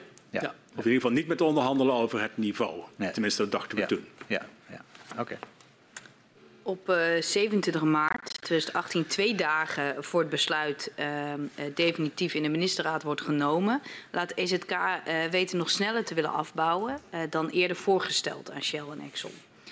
Um, wat was het verschil van het afbouwscenario waar Shell zelf tot op dat moment van uitging. U heeft het nu over 2019? Het, uh... 2018, 27 maart. Dus twee dagen voordat het besluit wordt genomen uh, door de minister om uh, naar nul te gaan, laat EZK al wel weten richting Shell en Exxon dat het ehm, sneller wordt afgebouwd, afgebouwd. Dus dat het pad sneller naar beneden gaat. Dat, dat spreekt me even niet aan. Ik, ik het enige wat ik me herinner is dat we inderdaad werden meegedeeld, nou we gaan naar nul, dat wordt 2030. Mm. Uh, dat was ook precies het pad wat wij geschetst hadden in september daarvoor. Ja.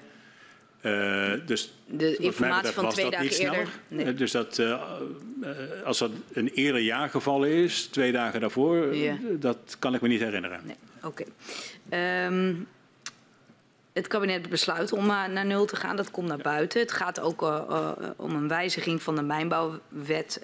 In, die, die gaat in consultatie. Het voorstel is dat de zorgplicht overgaat van de operator naar de staat. Ja. Um, bent u dan eigenlijk als, als Shell nog betrokken bij dit initiatief?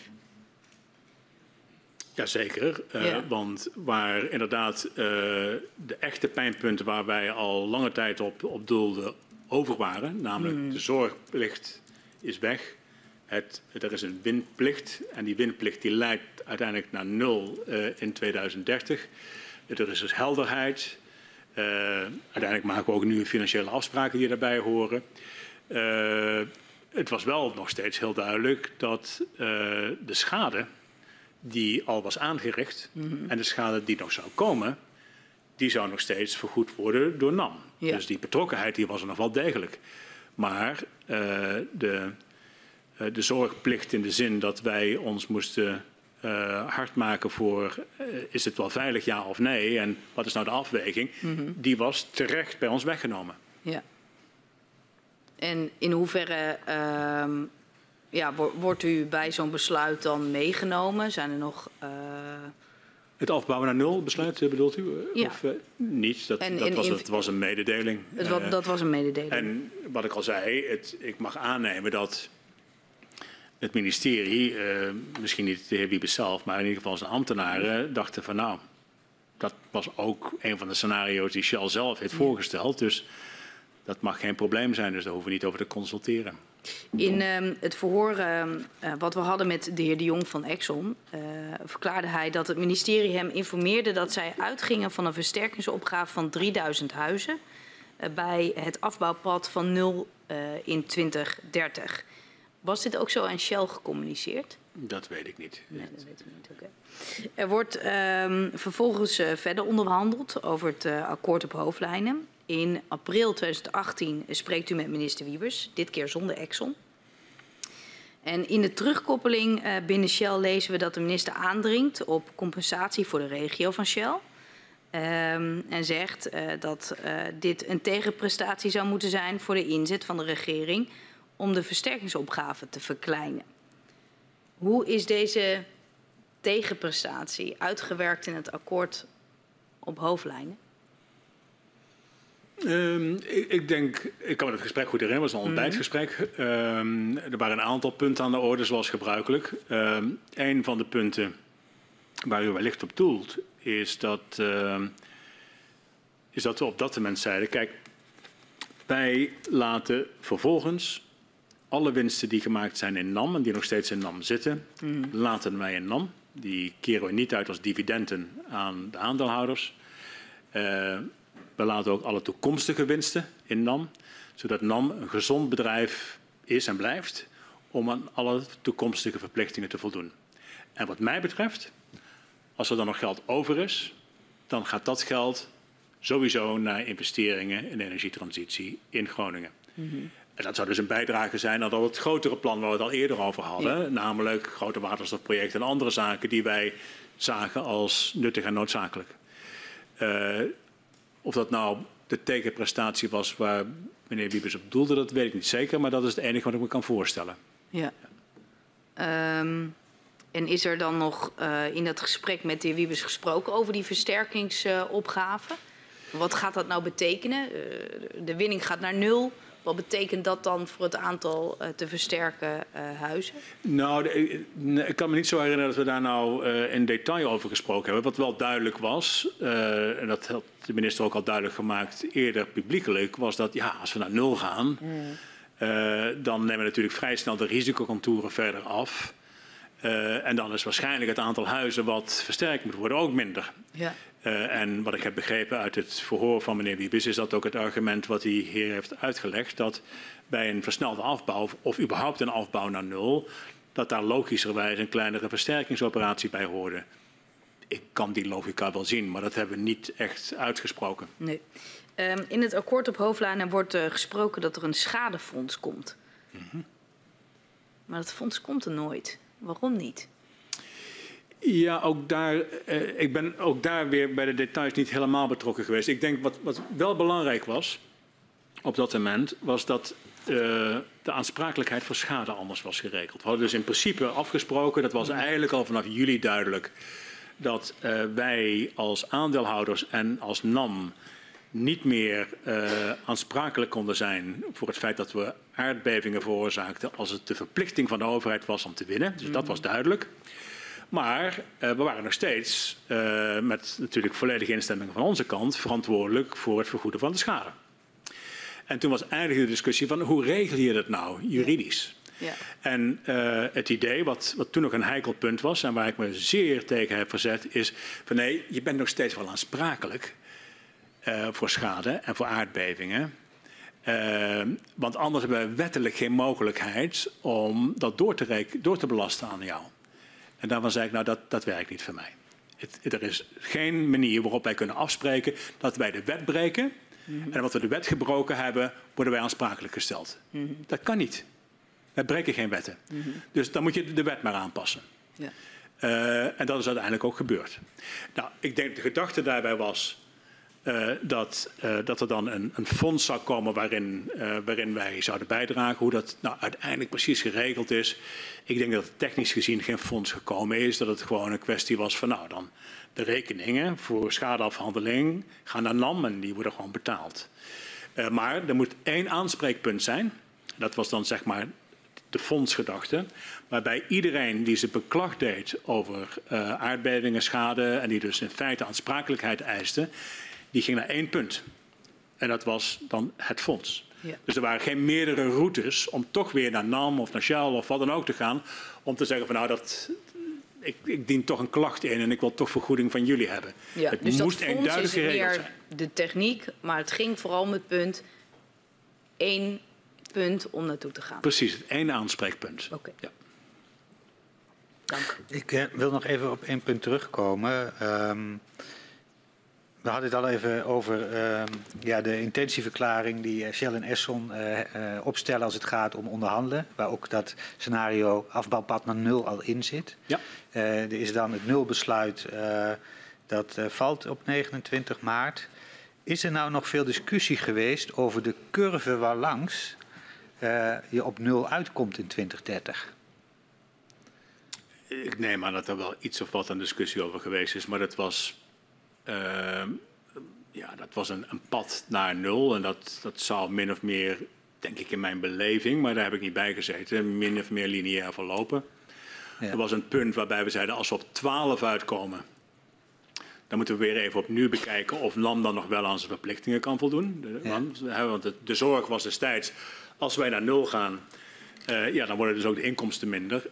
Is het dan nog wel uh, te behappen voor NAM om, om op dit moment onidentificeerbare schade om die te kunnen blijven vergoeden. Mm. Uh, en wij dachten van wel, eh, vandaar dat we ook zeiden, we halen geen dividenden meer uit het bedrijf, dus we laten alles erin zitten. Mm. we gaan van het niveau waarop we zaten, gaan we naar nul en dan komt er nog meer inkomsten in. Dat alles bij elkaar hoort voldoende te zijn. Nou, de overheid wilde dat we daar graag nog garanties bovenop stelden. Nou, dat, hebben we, dat begrijpen we wel, dat hebben we ook gedaan. Mm Maar er kwam op denk ik, voorspraak van SODM nog wel een punt waarbij werd gezet, als we nou op 12 uitkomen, moeten we weer opnieuw even om de tafel zitten om te kijken of NAM inderdaad nog wel solvabel is. Mm -hmm. uh, maar dat is het enige wat ik me van het, van het pad kan herinneren. Ja. Hoe dat nou precies verder is geregeld jaar op jaar, daar, uh, ja. daar heb ik niet bij gezeten. Uh, iets later in de tijd, en dan uh, spreken we over 2019, uh, ook, dan is er weer een behoorlijk forse beving bij Westerwijde. Um, en dan valt tot besluit om ja, de maximale hoogte van de gaswinning op 11,8 miljard kub vast te stellen. Dus onder die 12 uh, BCM. verder wordt de gaswinning al beëindigd in 2022 in plaats van 2030. En dat wijkt dan af van de curve die in het akkoord op hoofdlijnen overeen was gekomen. Ja. Hoe bent u op de hoogte gesteld van dit besluit? Nou, het precieze mechanisme weet ik niet. Ik mag aannemen dat uh, uh, of onze upstream-organisatie of hmm. Marjan of allebei mee daar ja. een e-mail of een telefoontje over hebben ja. gegeven. Um, Wat was uw reactie? Uh, nou, vrij neutraal. Het, want ik denk dat de manier waarop dat bij ons naar binnen kwam was van nou, we willen dus sneller naar nul. Dat, nou, dat begreep ik wel. Het is natuurlijk weer een, een een behoorlijke aardbeving. Ja. Um, de vraag was eigenlijk meer, hoe kan dat dan? Hoe, hoe kunnen wij sneller naar nul? Want die vraag was mm. nog steeds wel hoger. Uh, en er moest dus op een of andere manier een oplossing komen mm. voor al die gebruikers van aardgas. Uh, die niet konden switchen naar hoogcalorisch aardgas. En dat mm. waren dus alle huishoudens, uh, maar ook uh, ziekenhuizen en kleinere bedrijven, et cetera. Ja. En de oplossing die eruit kwam, was dat wij de gasopslag in Norg op een andere manier konden inzetten. Dus ik denk dat wij wel met, hoewel ik er zelf niet bij betrokken ben geweest natuurlijk, maar ik denk dat we wel met het ministerie gesproken hebben. Hoe gaan wij dan sneller naar nul? Mm -hmm. uh, en daar, ik denk dat we daar heel constructief altijd in gezeten hebben. Wat mij betreft was het prima als we eerder naar nul zouden gaan. Ja. Er moesten wel nieuwe afspraken gemaakt worden. En waarover? Nou, ten eerste omdat uh, de opslag in Norg anders ingezet moest worden. Daar mm. waren natuurlijk kosten bij uh, gemoeid. Hè, waar wij het Norg voorheen gebruikten om zeg maar, uh, gas uit Groningen om niet in te produceren en dan te verkopen in de wintertijd. Dus het was een buffermechanisme. En daar ook wel handel omheen konden bedrijven. Werd dus nu gezegd: nee, Norg, dat moeten we dus opvullen met gas wat we gaan inkopen. En dan mengen we daar stikstof bij. Dan wordt het een soort van pseudo-Groningen gas. Mm -hmm. En dan gaan we dat gebruiken ja. in de winter, als we, zolang we nog niet die vraag naar nul hebben teruggebracht. Mm -hmm. Nou, dat was prima. Maar dat ging wel een hoop geld kosten. Dus daar moeten nieuwe financiële afspraken over ja. gemaakt worden. Ja, ja. U zegt uh, ja, dat u vrij neutraal hierop reageerde. Uh, uit het verhoor van uh, de heer De Jong van Exxon ja, bleek dat bij Exxon er wat minder neutraal op werd gereageerd. In de zin dat er ook weer de eis op tafel kwam om gecompenseerd te worden voor het gas dat niet gewonnen zou worden ten opzichte van het basispad, ja. zoals wordt afgesproken in het akkoord op hoofdlijnen. Moet ik concluderen dat dat voor Shell. Nee, nee we zaten was? daar uh, vergelijkbaar, maar wellicht is het woord compenseren niet juist. Uh, we zaten daar vergelijkbaar in. We hadden natuurlijk in 2018 afgesproken. We gaan naar nul. Dat gaat 12 jaar duren. Ja. Uh, die afbouwende opbrengsten, die parkeren we dus in NAM. En dan hebben we daar een behoorlijke hoeveelheid geld om. Ja. Uh, tot een lengte van dagen aan de verplichtingen te voldoen. Ja. Uh, dat doen we nog een keer garanties bovenop. En, en, zo gaat het lopen. Ja. En nu komt er opeens een andere realiteit. Waarbij we niet uh, tot 2030, maar tot 2022 afbouwende inkomsten hebben. Dus daar hoort een heel ander financieel plaatje bij. Ook voor aansprakelijkheid, ook van kosten. dus wat mij betreft, en zoals het ook voorzien in het akkoord op hoofdlijnen, moest er dan weer opnieuw een balans worden vastgesteld. Want de balans die we dus hadden gevonden in de onderhandelingen tot aan uh, juni 2018. Die balans die werd dus, om goede ja. redenen overigens, ja. maar die werd verstoord. Ja. Nou, het, het, akkoord had heel duidelijk voorzien, als er dus een ander pad is, dan zijn er weer nieuwe discussies nodig om die financiële balans te herstellen. Dat is geen compensatieclaim, dat is gewoon opnieuw vaststellen hoe het nu met NAM financieel verder moet. Dat was niet meer dan logisch wat mij betreft. En het waren gemaakte afspraken. Ja. Toch was die nieuwe realiteit het gevolg van uh, uw wens uh, en die van Exxon om uh, ontlast te worden van de, de, juridische en zeker strafrechtelijke aansprakelijkheid door de introductie van een winningsplicht. Ja. Waardoor de overheid bepaalde het niveau waarop er gewonnen wordt. Um, u zei daar straks tegen mij dat wij zagen af van een claim voor niet gewonnen gas. Want het zou niet logisch zijn als je zelf aankoerst op nul, om nog een claim te leggen op niet gewonnen gas. Dat en, klopt. Ja. En ik snap dan niet waarom die vraag wel weer op tafel komt. Op het moment dat er onder de winningsplicht de overheid besluit de afbouw te versnellen, dat er dan toch een compensatievraag op tafel komt. Zo is het in ieder geval verwoord door Exxon. Ja. Zo zien we het ook terug in de stukken. Ja. Dat die claim opnieuw op tafel wordt gelegd. Dat is in, eigen, in, in, in uw eigen woorden uh, niet logisch, toch? Nou, ja, u kunt het ook op een andere manier uh, zeggen. Uh, we hadden afspraken gemaakt dat we naar nul zouden gaan in 2030. We hadden becijferd dat met de resterende inkomsten uit die verlagende opbrengsten... dat NAM solvabel gehouden kon worden tot een lengte van dagen. Uh, we zouden er niet meer uh, de dividenden eruit halen en ook niet meer de toekomstige dividenden. Garantie erbovenop. Dat was het totaalplaatje wat we onderhandeld hadden. Financiële robuustheid, wat overigens mm. ook een uitgangsprincipe was van het akkoord op hoofdlijnen, mm. die was op die manier geborgd. Als er dan vervolgens een ander pad komt, dan moeten we weer opnieuw kijken hoe robuust is NAM onder dat pad. Ja. En daarin was voorzien in het akkoord op hoofdlijnen, clausule 1.5. Ja. En daarvoor wilden wij graag om tafel zitten om dat ja. weer opnieuw te bekijken. Ja. Dat was in mijn optiek een alleszins redelijke eis. Het was geen claim, dat was een, het herstellen van de balans. Die was verstoord door een andere manier van inrichten, waar wij ons overigens prima in konden vinden. Maar waar wel nieuwe financiële afspraken bij hoorden om het bedrijf gezond te houden. Ja. Nou hebben we gisteren de heer Atema eh, van NAM hier gehad. Nu is er uh, op een ander terrein ook wat veranderd in de wereld. Namelijk de prijs van gas is enorm omhoog gegaan. Ja. De Atema heeft verklaard de NAM een meer dan financieel gezond bedrijf is. Betekent dat dat uh, die behoefte aan herstel van de balans nu is afgenomen? Uh, wellicht, meneer Van der Leen. Maar dus kijk, we hebben het nu even over hoe reageerden wij in 2019 op ja. het feit dat Norg anders ingezet moest worden ja. en dat uh, de balans uh, verstoord was en hersteld moest worden. Ja. En op allebei kregen wij in feite van de overheid niet thuis te horen. Ja. Dus dat was vervelend, we konden niet praten, moesten uiteindelijk naar de arbitrage toe. Uh, dat, dat, dat is het dan helaas ook geworden. De Norg-arbitrage is afgerond en de balans nog niet. Maar in de tussentijd, volledig gelijk, is er van alles en, en nog wat ook veranderd. Hè. De, gasprijs is zo hoog dat we inmiddels weer kunnen spreken over meer opbrengsten. Uh, het is uh, ook nu zover dat de overheid zegt van wacht even, want dan willen wij die meer opbrengsten graag uit NAM halen. Hè, de zogenaamde BOF-belasting of de, uh, of de, de. Het veld staat op de waakvlam, niet in voorzien in het akkoord op hoofdlijnen. Uh, er zijn zelfs stemmen die opgaan van moeten we niet meer produceren in, in Groningen.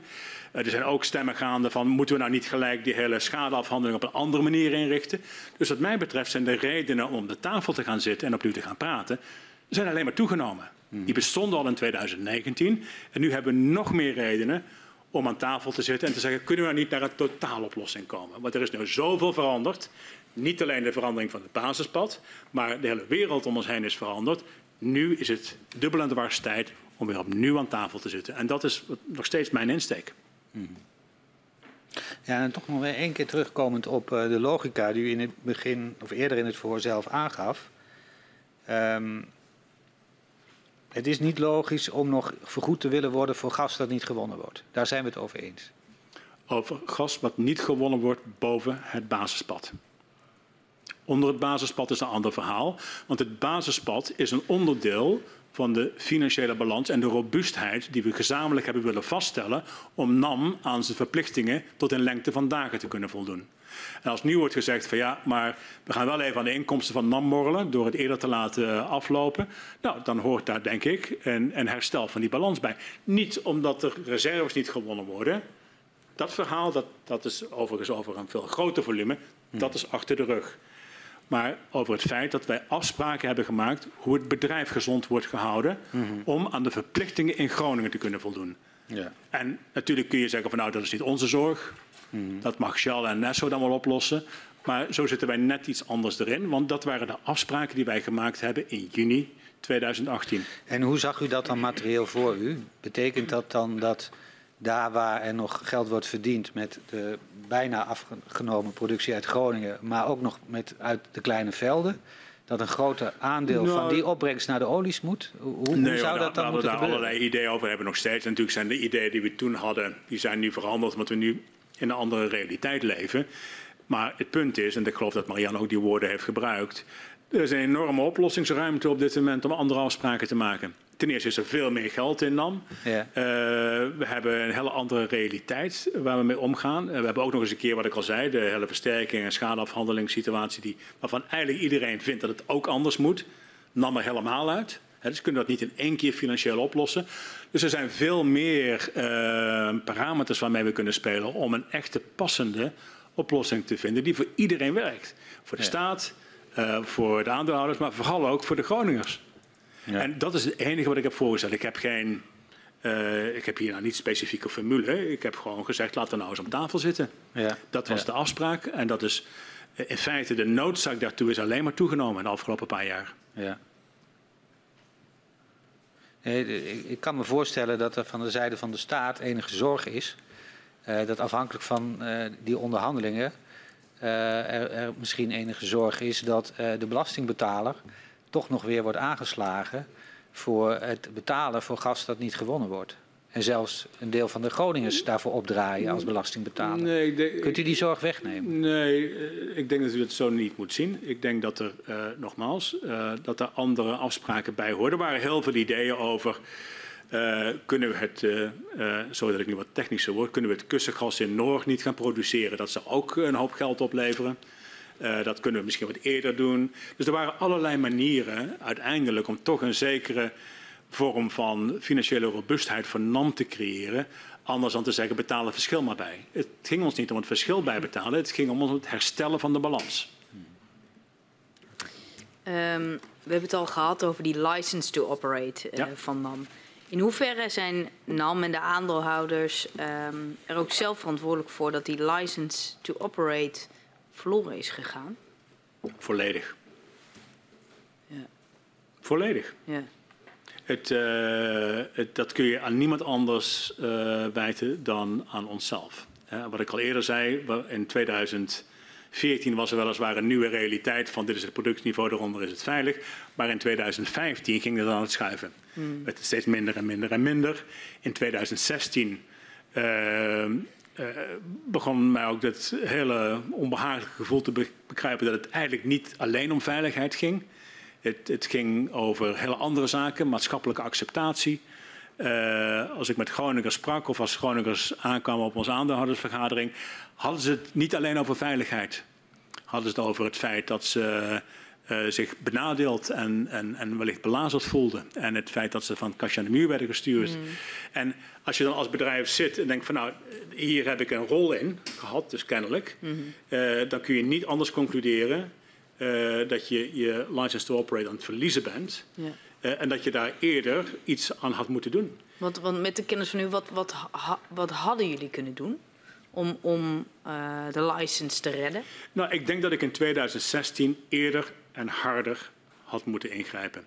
He, 2015 was voor mij het verhaal van vraagtekens overal bij uh, plaatsen. He, waar, waar moet het nou heen? In 2016 was het uitroeptekens plaatsen, het moet anders. Waarom heb ik nou niet in 2016 in één keer met de vuist op tafel geslagen? Wat we uiteindelijk in 2017 hebben gedaan. Mm. Ja? Maar dat had ook in 2016 gekund. Mevrouw Kuik, ik kan me nog heel goed herinneren. Uh, dat, hè, wat ik al eerder zei, dat, dat een van de gedupeerden uit Groningen zei: Kunt u mijn angst en mijn zorgen van mijn gezin meenemen in uw afweging? Ja, en daarvan kan ik nu alleen zeggen dat heb ik gedaan. Maar had ik het maar eerder gedaan en harder gedaan, en het heeft te lang geduurd. Dat heeft u wel gedaan, maar te laat. Ja, ik denk het wel. Ik, uh, ik denk dat alle, uh, alle frustratie, alle interventies, uh, alle bezoek aan het torentje en alles eromheen, uh, wat er uiteindelijk in 17 heeft plaatsgevonden. Mm. Ja, dan moet je je van afvragen, hadden we dat ook niet in 16 kunnen doen? Maar in 16 waren wij nog bezig om het probleem op te lossen. We waren niet bezig om het probleem te begrijpen, we waren het probleem aan het oplossen. Hoe zit het nou met die aardbevingen? Hoe kan die verstevigingsoperatie sterker en sneller en noem maar op? En dat was in feite besides the point. Ja. Dat ging wel om veiligheid, was heel erg belangrijk. Maar het was niet alleen veiligheid, het was maatschappelijke acceptatie. Hmm. Dus ik denk dat we daar een steek hebben laten vallen. En dan is eigenlijk het punt dat uh, NAM of, eh, en de aandeelhouders strafrechtelijk aansprakelijk worden gesteld. Het, om, hè, het kantelpunt. Um, waar waar, waar u in beweging komt en zegt: ik sla met de vuist op tafel. Maar was dat dan ook het punt dat um, het verlies aan maatschappelijk draagvlak um, de reden was om met de vuist op tafel te slaan? Ja. Hoe moet ik dat zien? Ik, het zal ongetwijfeld, ik kan me dat niet meer precies uh, mentaal herconstrueren, maar ik denk dat het een combinatie van de twee is geweest. Ik denk dat hè, het het feit dat er twee rechterlijke uitspraken waren, waar ik me dus ja, heel moeilijk in kon vinden. Van hoe kun je nou toch oordelen dat als wij overheidsinstructies uh, uitvoeren, dat we dan vervolgens uh, onrechtmatig uh, geacht worden te opereren of mm. strafrechtelijk vervolgd moeten worden. Ja. En hoe kan het nou zijn dat als onze overheidspartner zegt er is eigenlijk geen veilig productieniveau, ja, dan is het wel helemaal crystal clear dat, dat er iets helemaal mis is. Uh, maar het, het, uh, het, het, ja, het, het ongenoegen en, het, en het, het, het, idee dat we, dat we aan het verliezen zijn, dat we eigenlijk niet goed bezig zijn. Hmm. We zeggen wel respect voor people, maar aan de andere kant hebben we ook wel problemen uh, die mede door ons veroorzaakt worden. Ja, nou, daar zeg ik nu op, had ik maar eerder en harder ingegrepen. Absoluut. Ja. Ja. Um, op dit moment staat de gaswinning uh, uit het Groningenveld op de zogenoemde uh, waakvlam. Dat al eerder uh, benoemd. Um, wat vindt Shell ervan van het idee om Groningen op de waakvlam te houden? nou, de, dat is aan de overheid om te bepalen in zekere zin. Er is niet in voorzien in, in het akkoord op hoofdlijnen. Mm -hmm. Ik kan het aan de ene kant voorstellen. Ehm, ik zou denk ik wat meer moeite mee hebben als die waakvlam weer naar een, uh, een volledige productiemaximalisatie zou gaan. Daar, uh, ik denk dat dat verkeerd is. Dus je zou je ook kunnen afvragen, als het dan toch op de waakvlam staat, waarom dan maar niet helemaal uit? Ja. maar het, nogmaals, de, de productiebeslissingen en de consequenties daarvoor en dergelijke, die liggen bij de minister. En als die minister vindt dat het op de waakvlam moet, dan gaan het op de waakvlam. Ja, dus Wat ik wel wil zeggen overigens, ja. daarbij ook enigszins op, op uw vraag, eh, daar hoort dan ook weer een financieel plaatje bij. Want als we zeggen, weet je wat, laten we nou eens tien jaar op de waakvlam houden. Ja. dus we blijven gewoon wel alle kosten houden, mm. maar uh, geen inkomsten. Nee. Want je weet het nooit. Nou, dat kan ik me ook helemaal voorstellen. Maar dan zeg ik van alsjeblieft, dan, hier heb je alles. Uh, laat ons dan helemaal eruit stappen. Mm -hmm. Want om tien jaar lang kosten te maken zonder enige inkomsten, maar wel met het idee dat we nou ook nog steeds aan alle schadeverplichtingen moeten voldoen tot een lengte van dagen, dat gaat economisch niet werken. Dus dan moeten we daar nieuwe afspraken over maken. Ja, oké, okay, helder. Um, de heer Atema, uh, de directeur van de NAM, uh, heeft in zijn verhoor ook gesproken over de fase van sluiten en opruimen in het Groningenveld. En hij wil bijvoorbeeld in samenspraak met Groningers plannen maken voor het opruimen en herbestemmen van locaties ja. van NAM in Groningen. In hoeverre uh, steunt Shell zijn ambities? Uh, volledig. Het, uh, bij elk veld waar wij bij betrokken zijn, hoort wat in vaktermen heet een decommissioning en restoration activiteit. vaak vele jaren, zo niet decennia voor het eindpunt uh, beginnen bedrijven zoals het ons al voorzieningen te maken voor het, uh, voor het moment dat je op een gegeven moment geen productie meer hebt, maar wel alles moet opruimen, wat in dit geval miljarden gaat kosten. Uh, en dat daar nu goed over wordt nagedacht, omdat het zich inderdaad begint aan te dienen. En ook omdat het een hele goede uh, gelegenheid is om toch weer economische activiteit naar de regio te brengen. Heel logisch is dat er nu over wordt nagedacht, over wordt gesproken. Uh, en niet alleen in Groningen, ik denk in heel Nederland wel. En ik denk dat wij met alle decommissioning kosten die nog gaan komen in Europa, dat wij als Nederland daar een, een hele behoorlijke competentie kunnen opbouwen, zoals we het ook met andere offshore activiteiten gedaan hebben. Mm -hmm. Oké, okay, dank. Uh, mevrouw Thiele heeft nog een aantal vragen voor u. Ja. ja.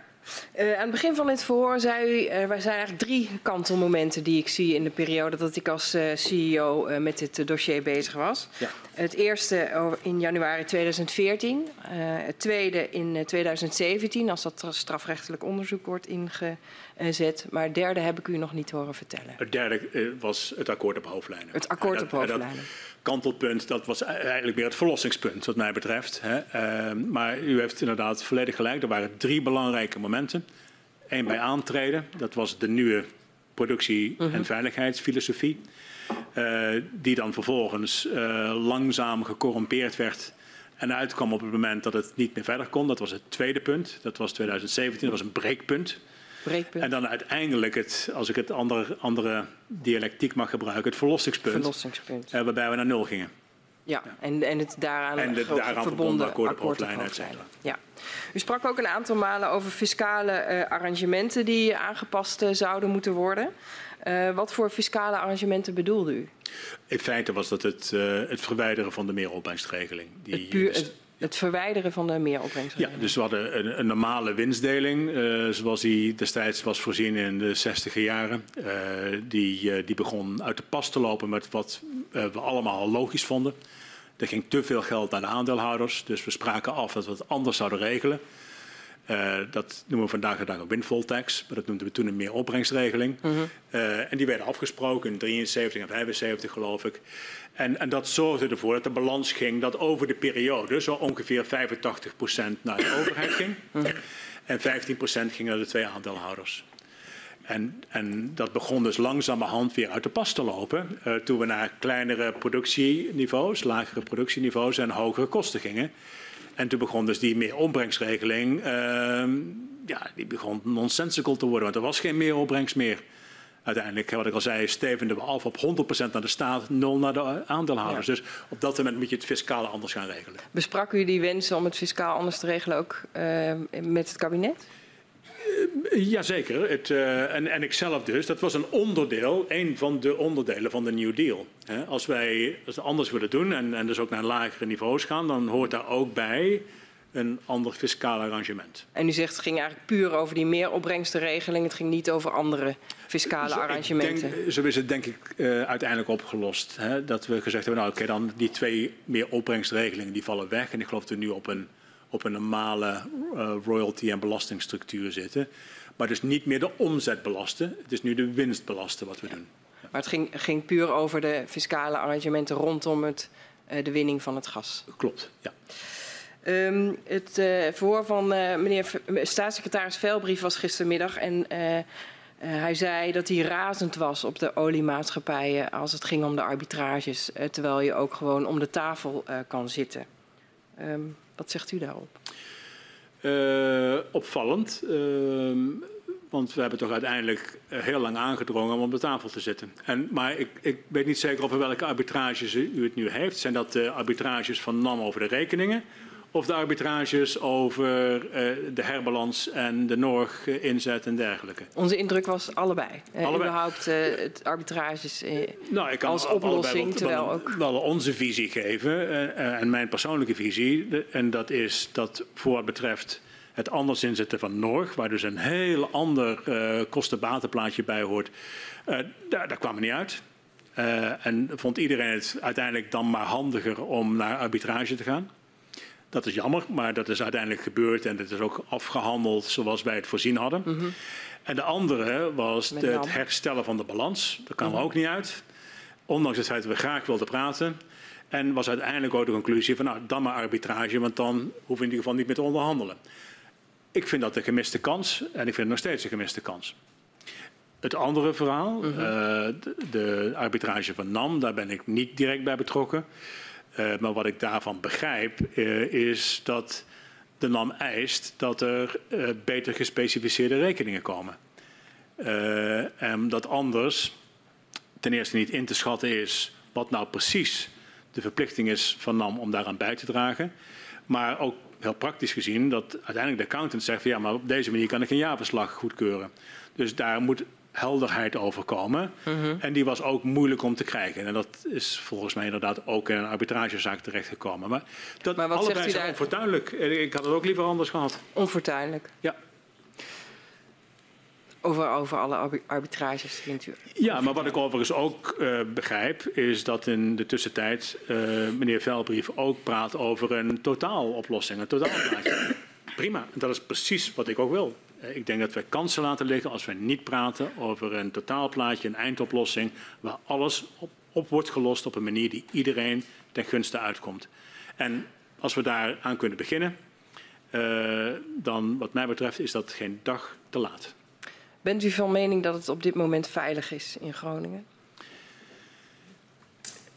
Technisch gezien, ja. Ik denk dat we met de inzichten van vandaag de dag, en die zijn natuurlijk altijd onvolledig, eh, zoals u hopelijk kunt begrijpen, want niemand weet precies wat er onder, ondergronds aan de hand is en niemand weet precies hoe aardbevingen zich tot schade kunnen uh, vertalen en wat, of schade dan ook daadwerkelijk letsel kan veroorzaken. Met alle modellen die wij hebben, we hebben natuurlijk we hebben honderden miljoenen uitgegeven aan research om dit mechanisme beter te begrijpen. Uh, we hebben hele gedetailleerde risicomodellen opgesteld die uiteindelijk nu door TNO beheerd worden ook. En uit die modellen blijkt dat we inderdaad aan de Meidam-norm voldoen. En eigenlijk met de excursie die, die daarbij was toegestaan, hè, we mochten tijdelijk van 10 tot de min vijfde, sorry voor de, uh, de technische termen, naar 10 tot de min vierde risicocontour uh, voor vijf jaar. Nou, dat is uiteindelijk is het ook zo gelopen. Met de Maar inzichten zegt- die wij vandaag de dag hebben. Zegt u daarmee dat technische veiligheid, wat u betreft, eh, de Meidam-norm eh, sterk is? Dat is uh, de manier waarop ik inderdaad de interpretatie van de TNO-modellen begrijp. Overigens eh, wil ik daar direct aan toevoegen dat we nu ook wel beseffen dat dat niet het probleem is. Of niet het enige probleem is. Uh, een veel groter probleem is angst. Een veel groter probleem is van de kastje naar de muur. Een veel groter probleem is onzekerheid over de toekomst. Mensen wiens leven op, uh, op, op hold staan. Uh, uh, ontwrichting in, in, in dorpen en samenlevingen over wie krijgt nou wat. Uh, en dat heeft, dat heeft niks met de Meidam-norm te maken. Dat is geen 10 tot de min vijfde discussie. Dat is, een, dat is een maatschappelijke discussie. Ja, dus de, de vraag die ik u stel eigenlijk is, bent u van mening dat het veilig is in Groningen? Uh, technisch gezien denk ik dat wij aan de normen voldoen. Uh, praktisch gezien denk ik dat niet dat de beleving is die Groningers hebben en er ook niet echt op zitten te wachten. Er moet veel meer gebeuren dan alleen maar een verklaring dat we technisch risicowijs op een of andere manier aan een norm voldoen. Ik begrijp dat het op die manier geregeld moet zijn voor regelgeving, wetgeving, aansprakelijkheid en noem maar op. Maar uiteindelijk de enige manier waarop mensen zich veilig voelen is als een huis geïnspecteerd is en als het veilig bevonden wordt of als het wordt versterkt of opnieuw gebouwd of wat dan ook. En dat proces loopt nou eenmaal niet goed. Dus ik begrijp heel goed dat er angst, zorg, boosheid en noem maar op bij Groningers is. En dat spijt me bijzonder. Het spijt me ook bijzonder dat wij daaraan hebben bijgedragen. Uh, maar dat is een ander verhaal dan technische veiligheid. Helder. In de media uh, werd wel eens gesuggereerd dat uh, Shell niet voldoende zichtbaar was in het aardbevingsdossier. Zeker in het begin niet. Hoe reflecteert u daarop? Ik denk dat het wel klopt, eerlijk gezegd, als je daarop reflecteert. Het, uh, um, ik denk, operationeel gezien zijn we altijd wel duidelijk geweest dat dat moest NAM zijn. En op een gegeven moment was ook daar het verhaal NAM maar beter op afstand. Want misschien was NAM te nadrukkelijk aanwezig. Mm. Um, dat is altijd moeilijk om dat goed te krijgen. Ja, hoe zichtbaar zijn wij daar als Shell in geweest? Um, was het misschien ook bewust afzijdig houden in het begin? Nou, nee, dat, dat, dat, dat, dat denk ik niet. Uh, ik denk dat wij in het begin een, een beetje, uh, ook op de vraag van mevrouw Kuik, of mijn antwoord daarop ingaande, uh, dat wij het zagen als een een risicobeheersingsprobleem. Hè? De soort van, we hadden het ook over het kwantificeren van het risico, allerlei risicomodellen. Uh, dat, dat, dat is onze dagelijkse kost. Hè. Op die manier rekenen we raffinerijen en uh, chemiefabrieken door. En dan heb je daar sommen voor en dan kun je uitrekenen waar de risicocontouren zitten en noem maar op. En ik denk in de eerste jaren zagen wij het probleem als zijnde dat. Mm -hmm. die huizen moesten veilig zijn, die mochten niet instorten op mensen en noem maar op. En hoe kun je nou vaststellen dat dat het geval is? En, het, en ik, wat ik, als ik daar nu op terugkijk, denk ik, nou dat hadden we dus, dat was onvolledig. En uh, als het dan onvolledig is en het gaat meer om maatschappelijke acceptatie, maar dan jullie eraan, ja, dan los je dat niet op met modellen. Maar dan los je wellicht wel op met nadrukkelijker aanwezig zijn. Mm -hmm. Bent u zelf ook bijvoorbeeld in, in het gebied geweest? Om met ja, ik ben een paar keer in het gebied geweest. Dit, uh, het gebied is ook een paar keer bij mij geweest natuurlijk. Uh, mm. Ik heb drie keer met de commissaris van de Koning uh, gesproken. Het, er zijn en natuurlijk, ja, we hadden ook Marjan van Loon, die, die ik destijds ook duidelijk heb aangesteld met de instructie, bemoeien met Groningen, want ik weet niet zeker of het daar nou wel goed gaat. Mm. nou, dat heeft ze gedaan. Marjan was heel vaak in de regio en elke keer als ze er was uh, stuurden ze mij of een rapport, of ik zag er een paar dagen daarna, spraken we erover. Uh, en ja, het begon natuurlijk, wat ik al zei, uh, in 2016 steeds duidelijker voor mij te worden wat het probleem was. Ja. En niet alleen een probleem van 10 tot de min vijfde. Mm -hmm. in, in, in, hoeverre, ja, in hoeverre speelde het leed wat mensen in Groningen lijden voldoende mee binnen Shell? Ik denk dat dat wel degelijk meespeelde. Uh, en, het, uh, en, en, zeker voor mensen die daar persoonlijk bij betrokken waren. Uh, en zeker ook voor mensen in de NAM. Dat waren dan weliswaar technisch gezien niet Shell-mensen, maar uh, heel veel mensen kwamen natuurlijk van Shell of voelden zich erg betrokken. Uh, en die vonden natuurlijk ook verschrikkelijk wat daar gebeurde. Natuurlijk ook voor een deel verschrikkelijk dat zij uh, gezien werden als de veroorzaker van veel van het leid. Mm -hmm. Maar er was een enorme behoefte om het probleem op te lossen. Ja. Het was niet voor niks dat wij uh, uh, aan, wat ik al zei, honderden miljoenen uitgaven aan onderzoek. Dat we met allerlei wetenschappers samenwerkten. Dat we eindeloos mensen aannamen om die huizen dan maar te inspecteren, et cetera. Maar er was denk ik op dat moment onvoldoende reflectie van zijn we hier met het juiste probleem bezig. Ja. Want misschien is het probleem niet de veiligheid van de huizen, misschien is het probleem de maatschappelijke acceptatie. Hoe kan dat, dat daar zo lang uh, onvoldoende reflectie is geweest? Dat is een hele goede vraag. En, dat, uh, en uh, ik denk dat, dat voor een deel de gevangenheid in het gasgebouw daar een rol in heeft gespeeld. Hè? Want we waren nou toch eenmaal bezig om allerlei problemen op te lossen. Er moest wel geproduceerd worden, maar dat moest nou eenmaal. Je kunt niet ja, het is misschien wel makkelijk om te zeggen, weet je wat, dan stoppen we toch met Groningen. Dat had, dat had gekund natuurlijk. Hè. Dat hadden we denk ik wel in, in bijna elk ander geval gedaan. Zo niet elk ander geval. Uh, maar dan, hè, we konden dat niet vervangen door iets anders. Want Groningen was uniek. Er zit 15% stikstof in. Dus dat kun je niet 1, 2, 3 vervangen. En zeker ook niet voor de volumina waar het over gaat. Dus dus wij hadden het probleem dat we het dilemma moesten oplossen. Van hoe, hoe zorg je nou voor die leveringszekerheid? Maar ja, het moet wel veilig. Hmm. Uh, nou, dus dan, uh, dan, dan kom je denk ik een stuk moeilijker toe aan de conclusie. Daar gaat het niet om. Het gaat om maatschappelijk draagvlak. Het gaat om acceptatie. Dus weet je wat? We zeggen gewoon tegen de overheid: doe die kraan maar dicht. En zoek het dan maar uit waar je je gas vandaan haalt. Dat kon ook niet. Nee. En dat was de gevangenheid, denk ik, in het gasgebouw gevangenheid van het gasgebouw om door te blijven gaan uh, met wat, wat al jaren daarvoor de gewoonte was. Ja. Eh, voor een deel, maar ook, en ik denk dat toch dat uw vraag uh, roept weer iets anders in mij op, wat denk ik ook wel belangrijk was. Je moet je op een gegeven moment ook afvragen of in dat gasgebouw de juiste mensen zitten. Ja? Wie zat daar nou in, in dat gasgebouw? Mm. Daar zat de, de staat in op twee manieren en er zaten twee aandeelhouders in. Zat de provincie daarin? Mm. Nee. Was daar enige betrokkenheid van lokale besturen? Nee. Uh, er werd besloten over Groningen. Er werd niet besloten met Groningen. Mm -hmm. En ik denk als wij uh, dat gasgebouw op dat moment uh, in, een, in, een, in, een, vlaag van inzicht anders hadden ingericht. Dan zeiden nee, nee, natuurlijk moet daar de provincie bij, daar moeten burgemeesters bij en noem maar op. Dan waren we misschien tot een ander inzicht gekomen. Was dan, Misschien zelfs een andere uitkomst, dat weet ik niet. Maar dat gebeurde dus niet. Was dan de veiligheid beter geborgd van de Ik denk dat, wat ik al eerder zei, ik denk dat de veiligheid in principe wel goed geborgd is geweest. Het brede begrip van veiligheid? Maar het- ik denk het brede begrip van veiligheid wel. Ik denk dat er meer inzicht was geweest. Ik denk dat mensen, mensen betrokkenheid hadden gevoeld bij de afwegingen. Ik denk dat er dan ook wat meer praktische oplossingen op tafel waren gekomen. Van ja, we begrijpen dat wel. Natuurlijk is het in het belang van het land, maar doe het dan op deze manier. En, en, En dan- ik denk dat we er al polderend uit waren gekomen. Maar dat hebben we dus niet gedaan. nee, en hoe, hoe zou dit in de toekomst ehm, voor nieuwe eh, eh, publiek-private samenwerkingen ehm, moeten worden vormgegeven volgens u? Welke lessen moeten we hier nou...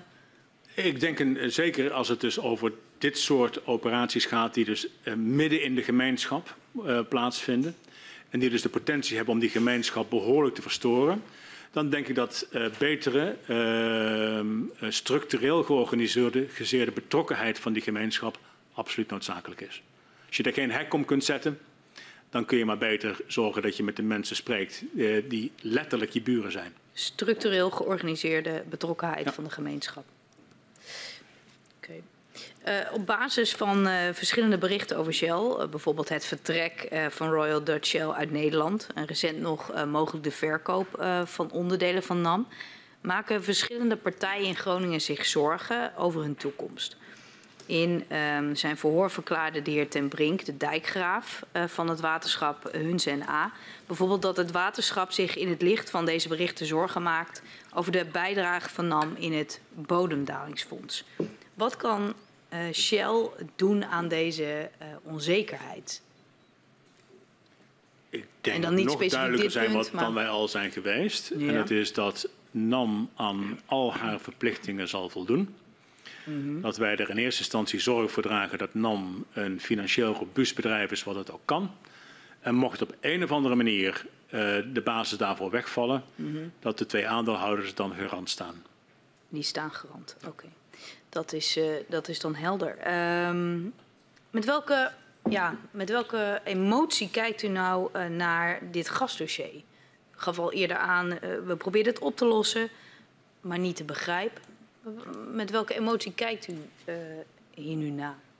Nou, ik denk dat dat een, een, een hele belangrijke is. Ehm, ik denk dat er, er zijn een aantal, denk ik, ten eerste Shell-emoties. Dat eh, toch, wat ik al zei, eh, geprobeerd hebben problemen op te lossen in plaats van het probleem te begrijpen. We hebben ons te lang in dat maatschappelijk dilemma eh, gemengd en eigenlijk dacht dat wij dat wel moesten managen of dat, dat wij daar een belangrijke rol in hadden. Nou, dat was, dat, met de benefit of hindsight is dat denk ik een, een verkeerde gedachte geweest. Mijn persoonlijke rol en mijn persoonlijke reflectie daarop is eh, dat ik eerder en harder had moeten ingrijpen. En wat ik al eerder zei, ik kan me nog heel goed een aantal eh, jaarvergaderingen herinneren met gedupeerde Groningers die voor mij stonden. En één kan ik me nog inderdaad heel goed herinneren. Dat is mevrouw Van Heijten die, die Mevrouw dat zei Heijten, van, ja. kunt u mijn gezinssituatie meenemen in uw overwegingen? Mhm. Nou, dat, dat heb ik gedaan, maar het heeft gewoon te lang geduurd. Mhm. En, dat is, en zo kijk ik erop terug. Ik, eh, ik wou dat Wat we dat eerder en harder hadden ingegrepen. En, want dat is uw reflectie. En welke emotie hoort daar dan bij? Spijt. Spijt. Ja. Oké. Spijt en in zekere zin ook, eh, dat, het kan ook niet anders als je met Groningers spreekt, eh, een zekere zin van eh, verdriet. En ook wel wat schaamte. Dank. Ik wil nog even terugkomen wat u zei in reactie op vragen van mevrouw Thiele over de veiligheid. We hebben recent begrepen van een wetenschappelijk panel dat er nog steeds een risico is op een beving met een magnitude van 4,6 en zelfs met een marge eh, naar boven en beneden daaromheen. Uh, het is ook niet zo dat ieder huis dat uh, beoordeeld wordt in de versterkingsoperatie op norm wordt verklaard. Uh, we zien ook dat de afgelopen drie jaar de seismiciteit hoger is dan het model voorspeld heeft. Toch zegt u, technisch is het veilig. Waar is dat dan op gebaseerd? Uh, dat, daarvoor baseer ik me op de modellen van TNO. Dat zijn de, wellicht ook dezelfde modellen waar u het over heeft. Maar er is destijds, uh, toen we dus vonden dat we beter begrip moesten hebben voor aardbevingen. Ik denk dat het 2012 al is geweest. Dus heel veel werk gedaan aan het, uh, het opstellen van dit soort modellen. Heel veel onderzoek aan gedaan. We hebben op een gegeven moment zelfs Groningse huizen op trilplaten laten bouwen in Italië en aardbevingen nagebootst om maar te kunnen berekenen hoe die huizen erop zouden reageren en al dat soort zaken. Uiteindelijk hebben we dat model hebben overgedragen aan TNO. Ja. Het was ook weer een beetje slagen je keurtje eigen vlees als jij dat model beheert. Dus het, dat model is naar de uh, TNO gegaan. En daar baseer ik me op. En dat zijn dus modellen die nu op dit moment zeggen... Uh, de Meidam-norm, die 10 tot de min vijfde, daar wordt sinds 2020 aan voldaan. Nou, ik denk dat we daar de hele tijd bij moeten blijven, eerlijk gezegd, ja. uh, meneer Van der Leen. Dat we de hele tijd moeten blijven kijken of er geen nieuwe inzichten komen. Want dit is een, een onvolledige wetenschap. Hè. We hebben hier nog steeds te maken met een, met een fenomeen wat heel weinig voorkomt in de wereld. Zeker op de schaal waarop het zit. Dus ik denk dat we daar de hele tijd moeten, voor moeten blijven waken. Maar misschien is het dan ook uh, verwarring bij mij over het woord dat u gebruikt. Want die modellen bevatten niet alle kenmerken van alle gebouwen in Groningen. Nee, nee, nee helemaal mee En als u zegt technisch veilig, volgens mij bedoelt u meer theoretisch veilig. Theoretisch veilig, volgens de modellen. Maar je kunt pas in de praktijk op basis van specifieke ja, kenmerken absoluut. en beoordelingen bepalen of er daadwerkelijk sprake is van veiligheid. U heeft helemaal gelijk. En, en de modellen, wat de modellen doen, zijn statistische modellen. Zo, ja. Dat is de manier waarop het werkt. He, dus er wordt statistisch vastgesteld wat is de kans dat je komt te overlijden in een periode van een jaar, ja. als je een jaar lang 24 uur per dag bent blootgesteld aan dat risico. Dus iemand die 24 uur per dag een heel jaar lang in het huis zit, blootgesteld aan dit soort risico's, wat is de kans dat je komt te overlijden? Nou, die is 1 op de 100.000. Dat is, dat is statistiek. Dat wil niet zeggen dat het anders gaat uitpakken, maar dat is statistiek. De enige manier waarop je kunt vaststellen of een huis veilig is, is om het te inspecteren. Ja, precies. Wij zijn uitgevraagd als commissie. En ik, verzoek, uh, ik dank voor uw medewerking. Ik verzoek de griffier om u en uw steunverleerder, de heer Bot, naar buiten te geleiden.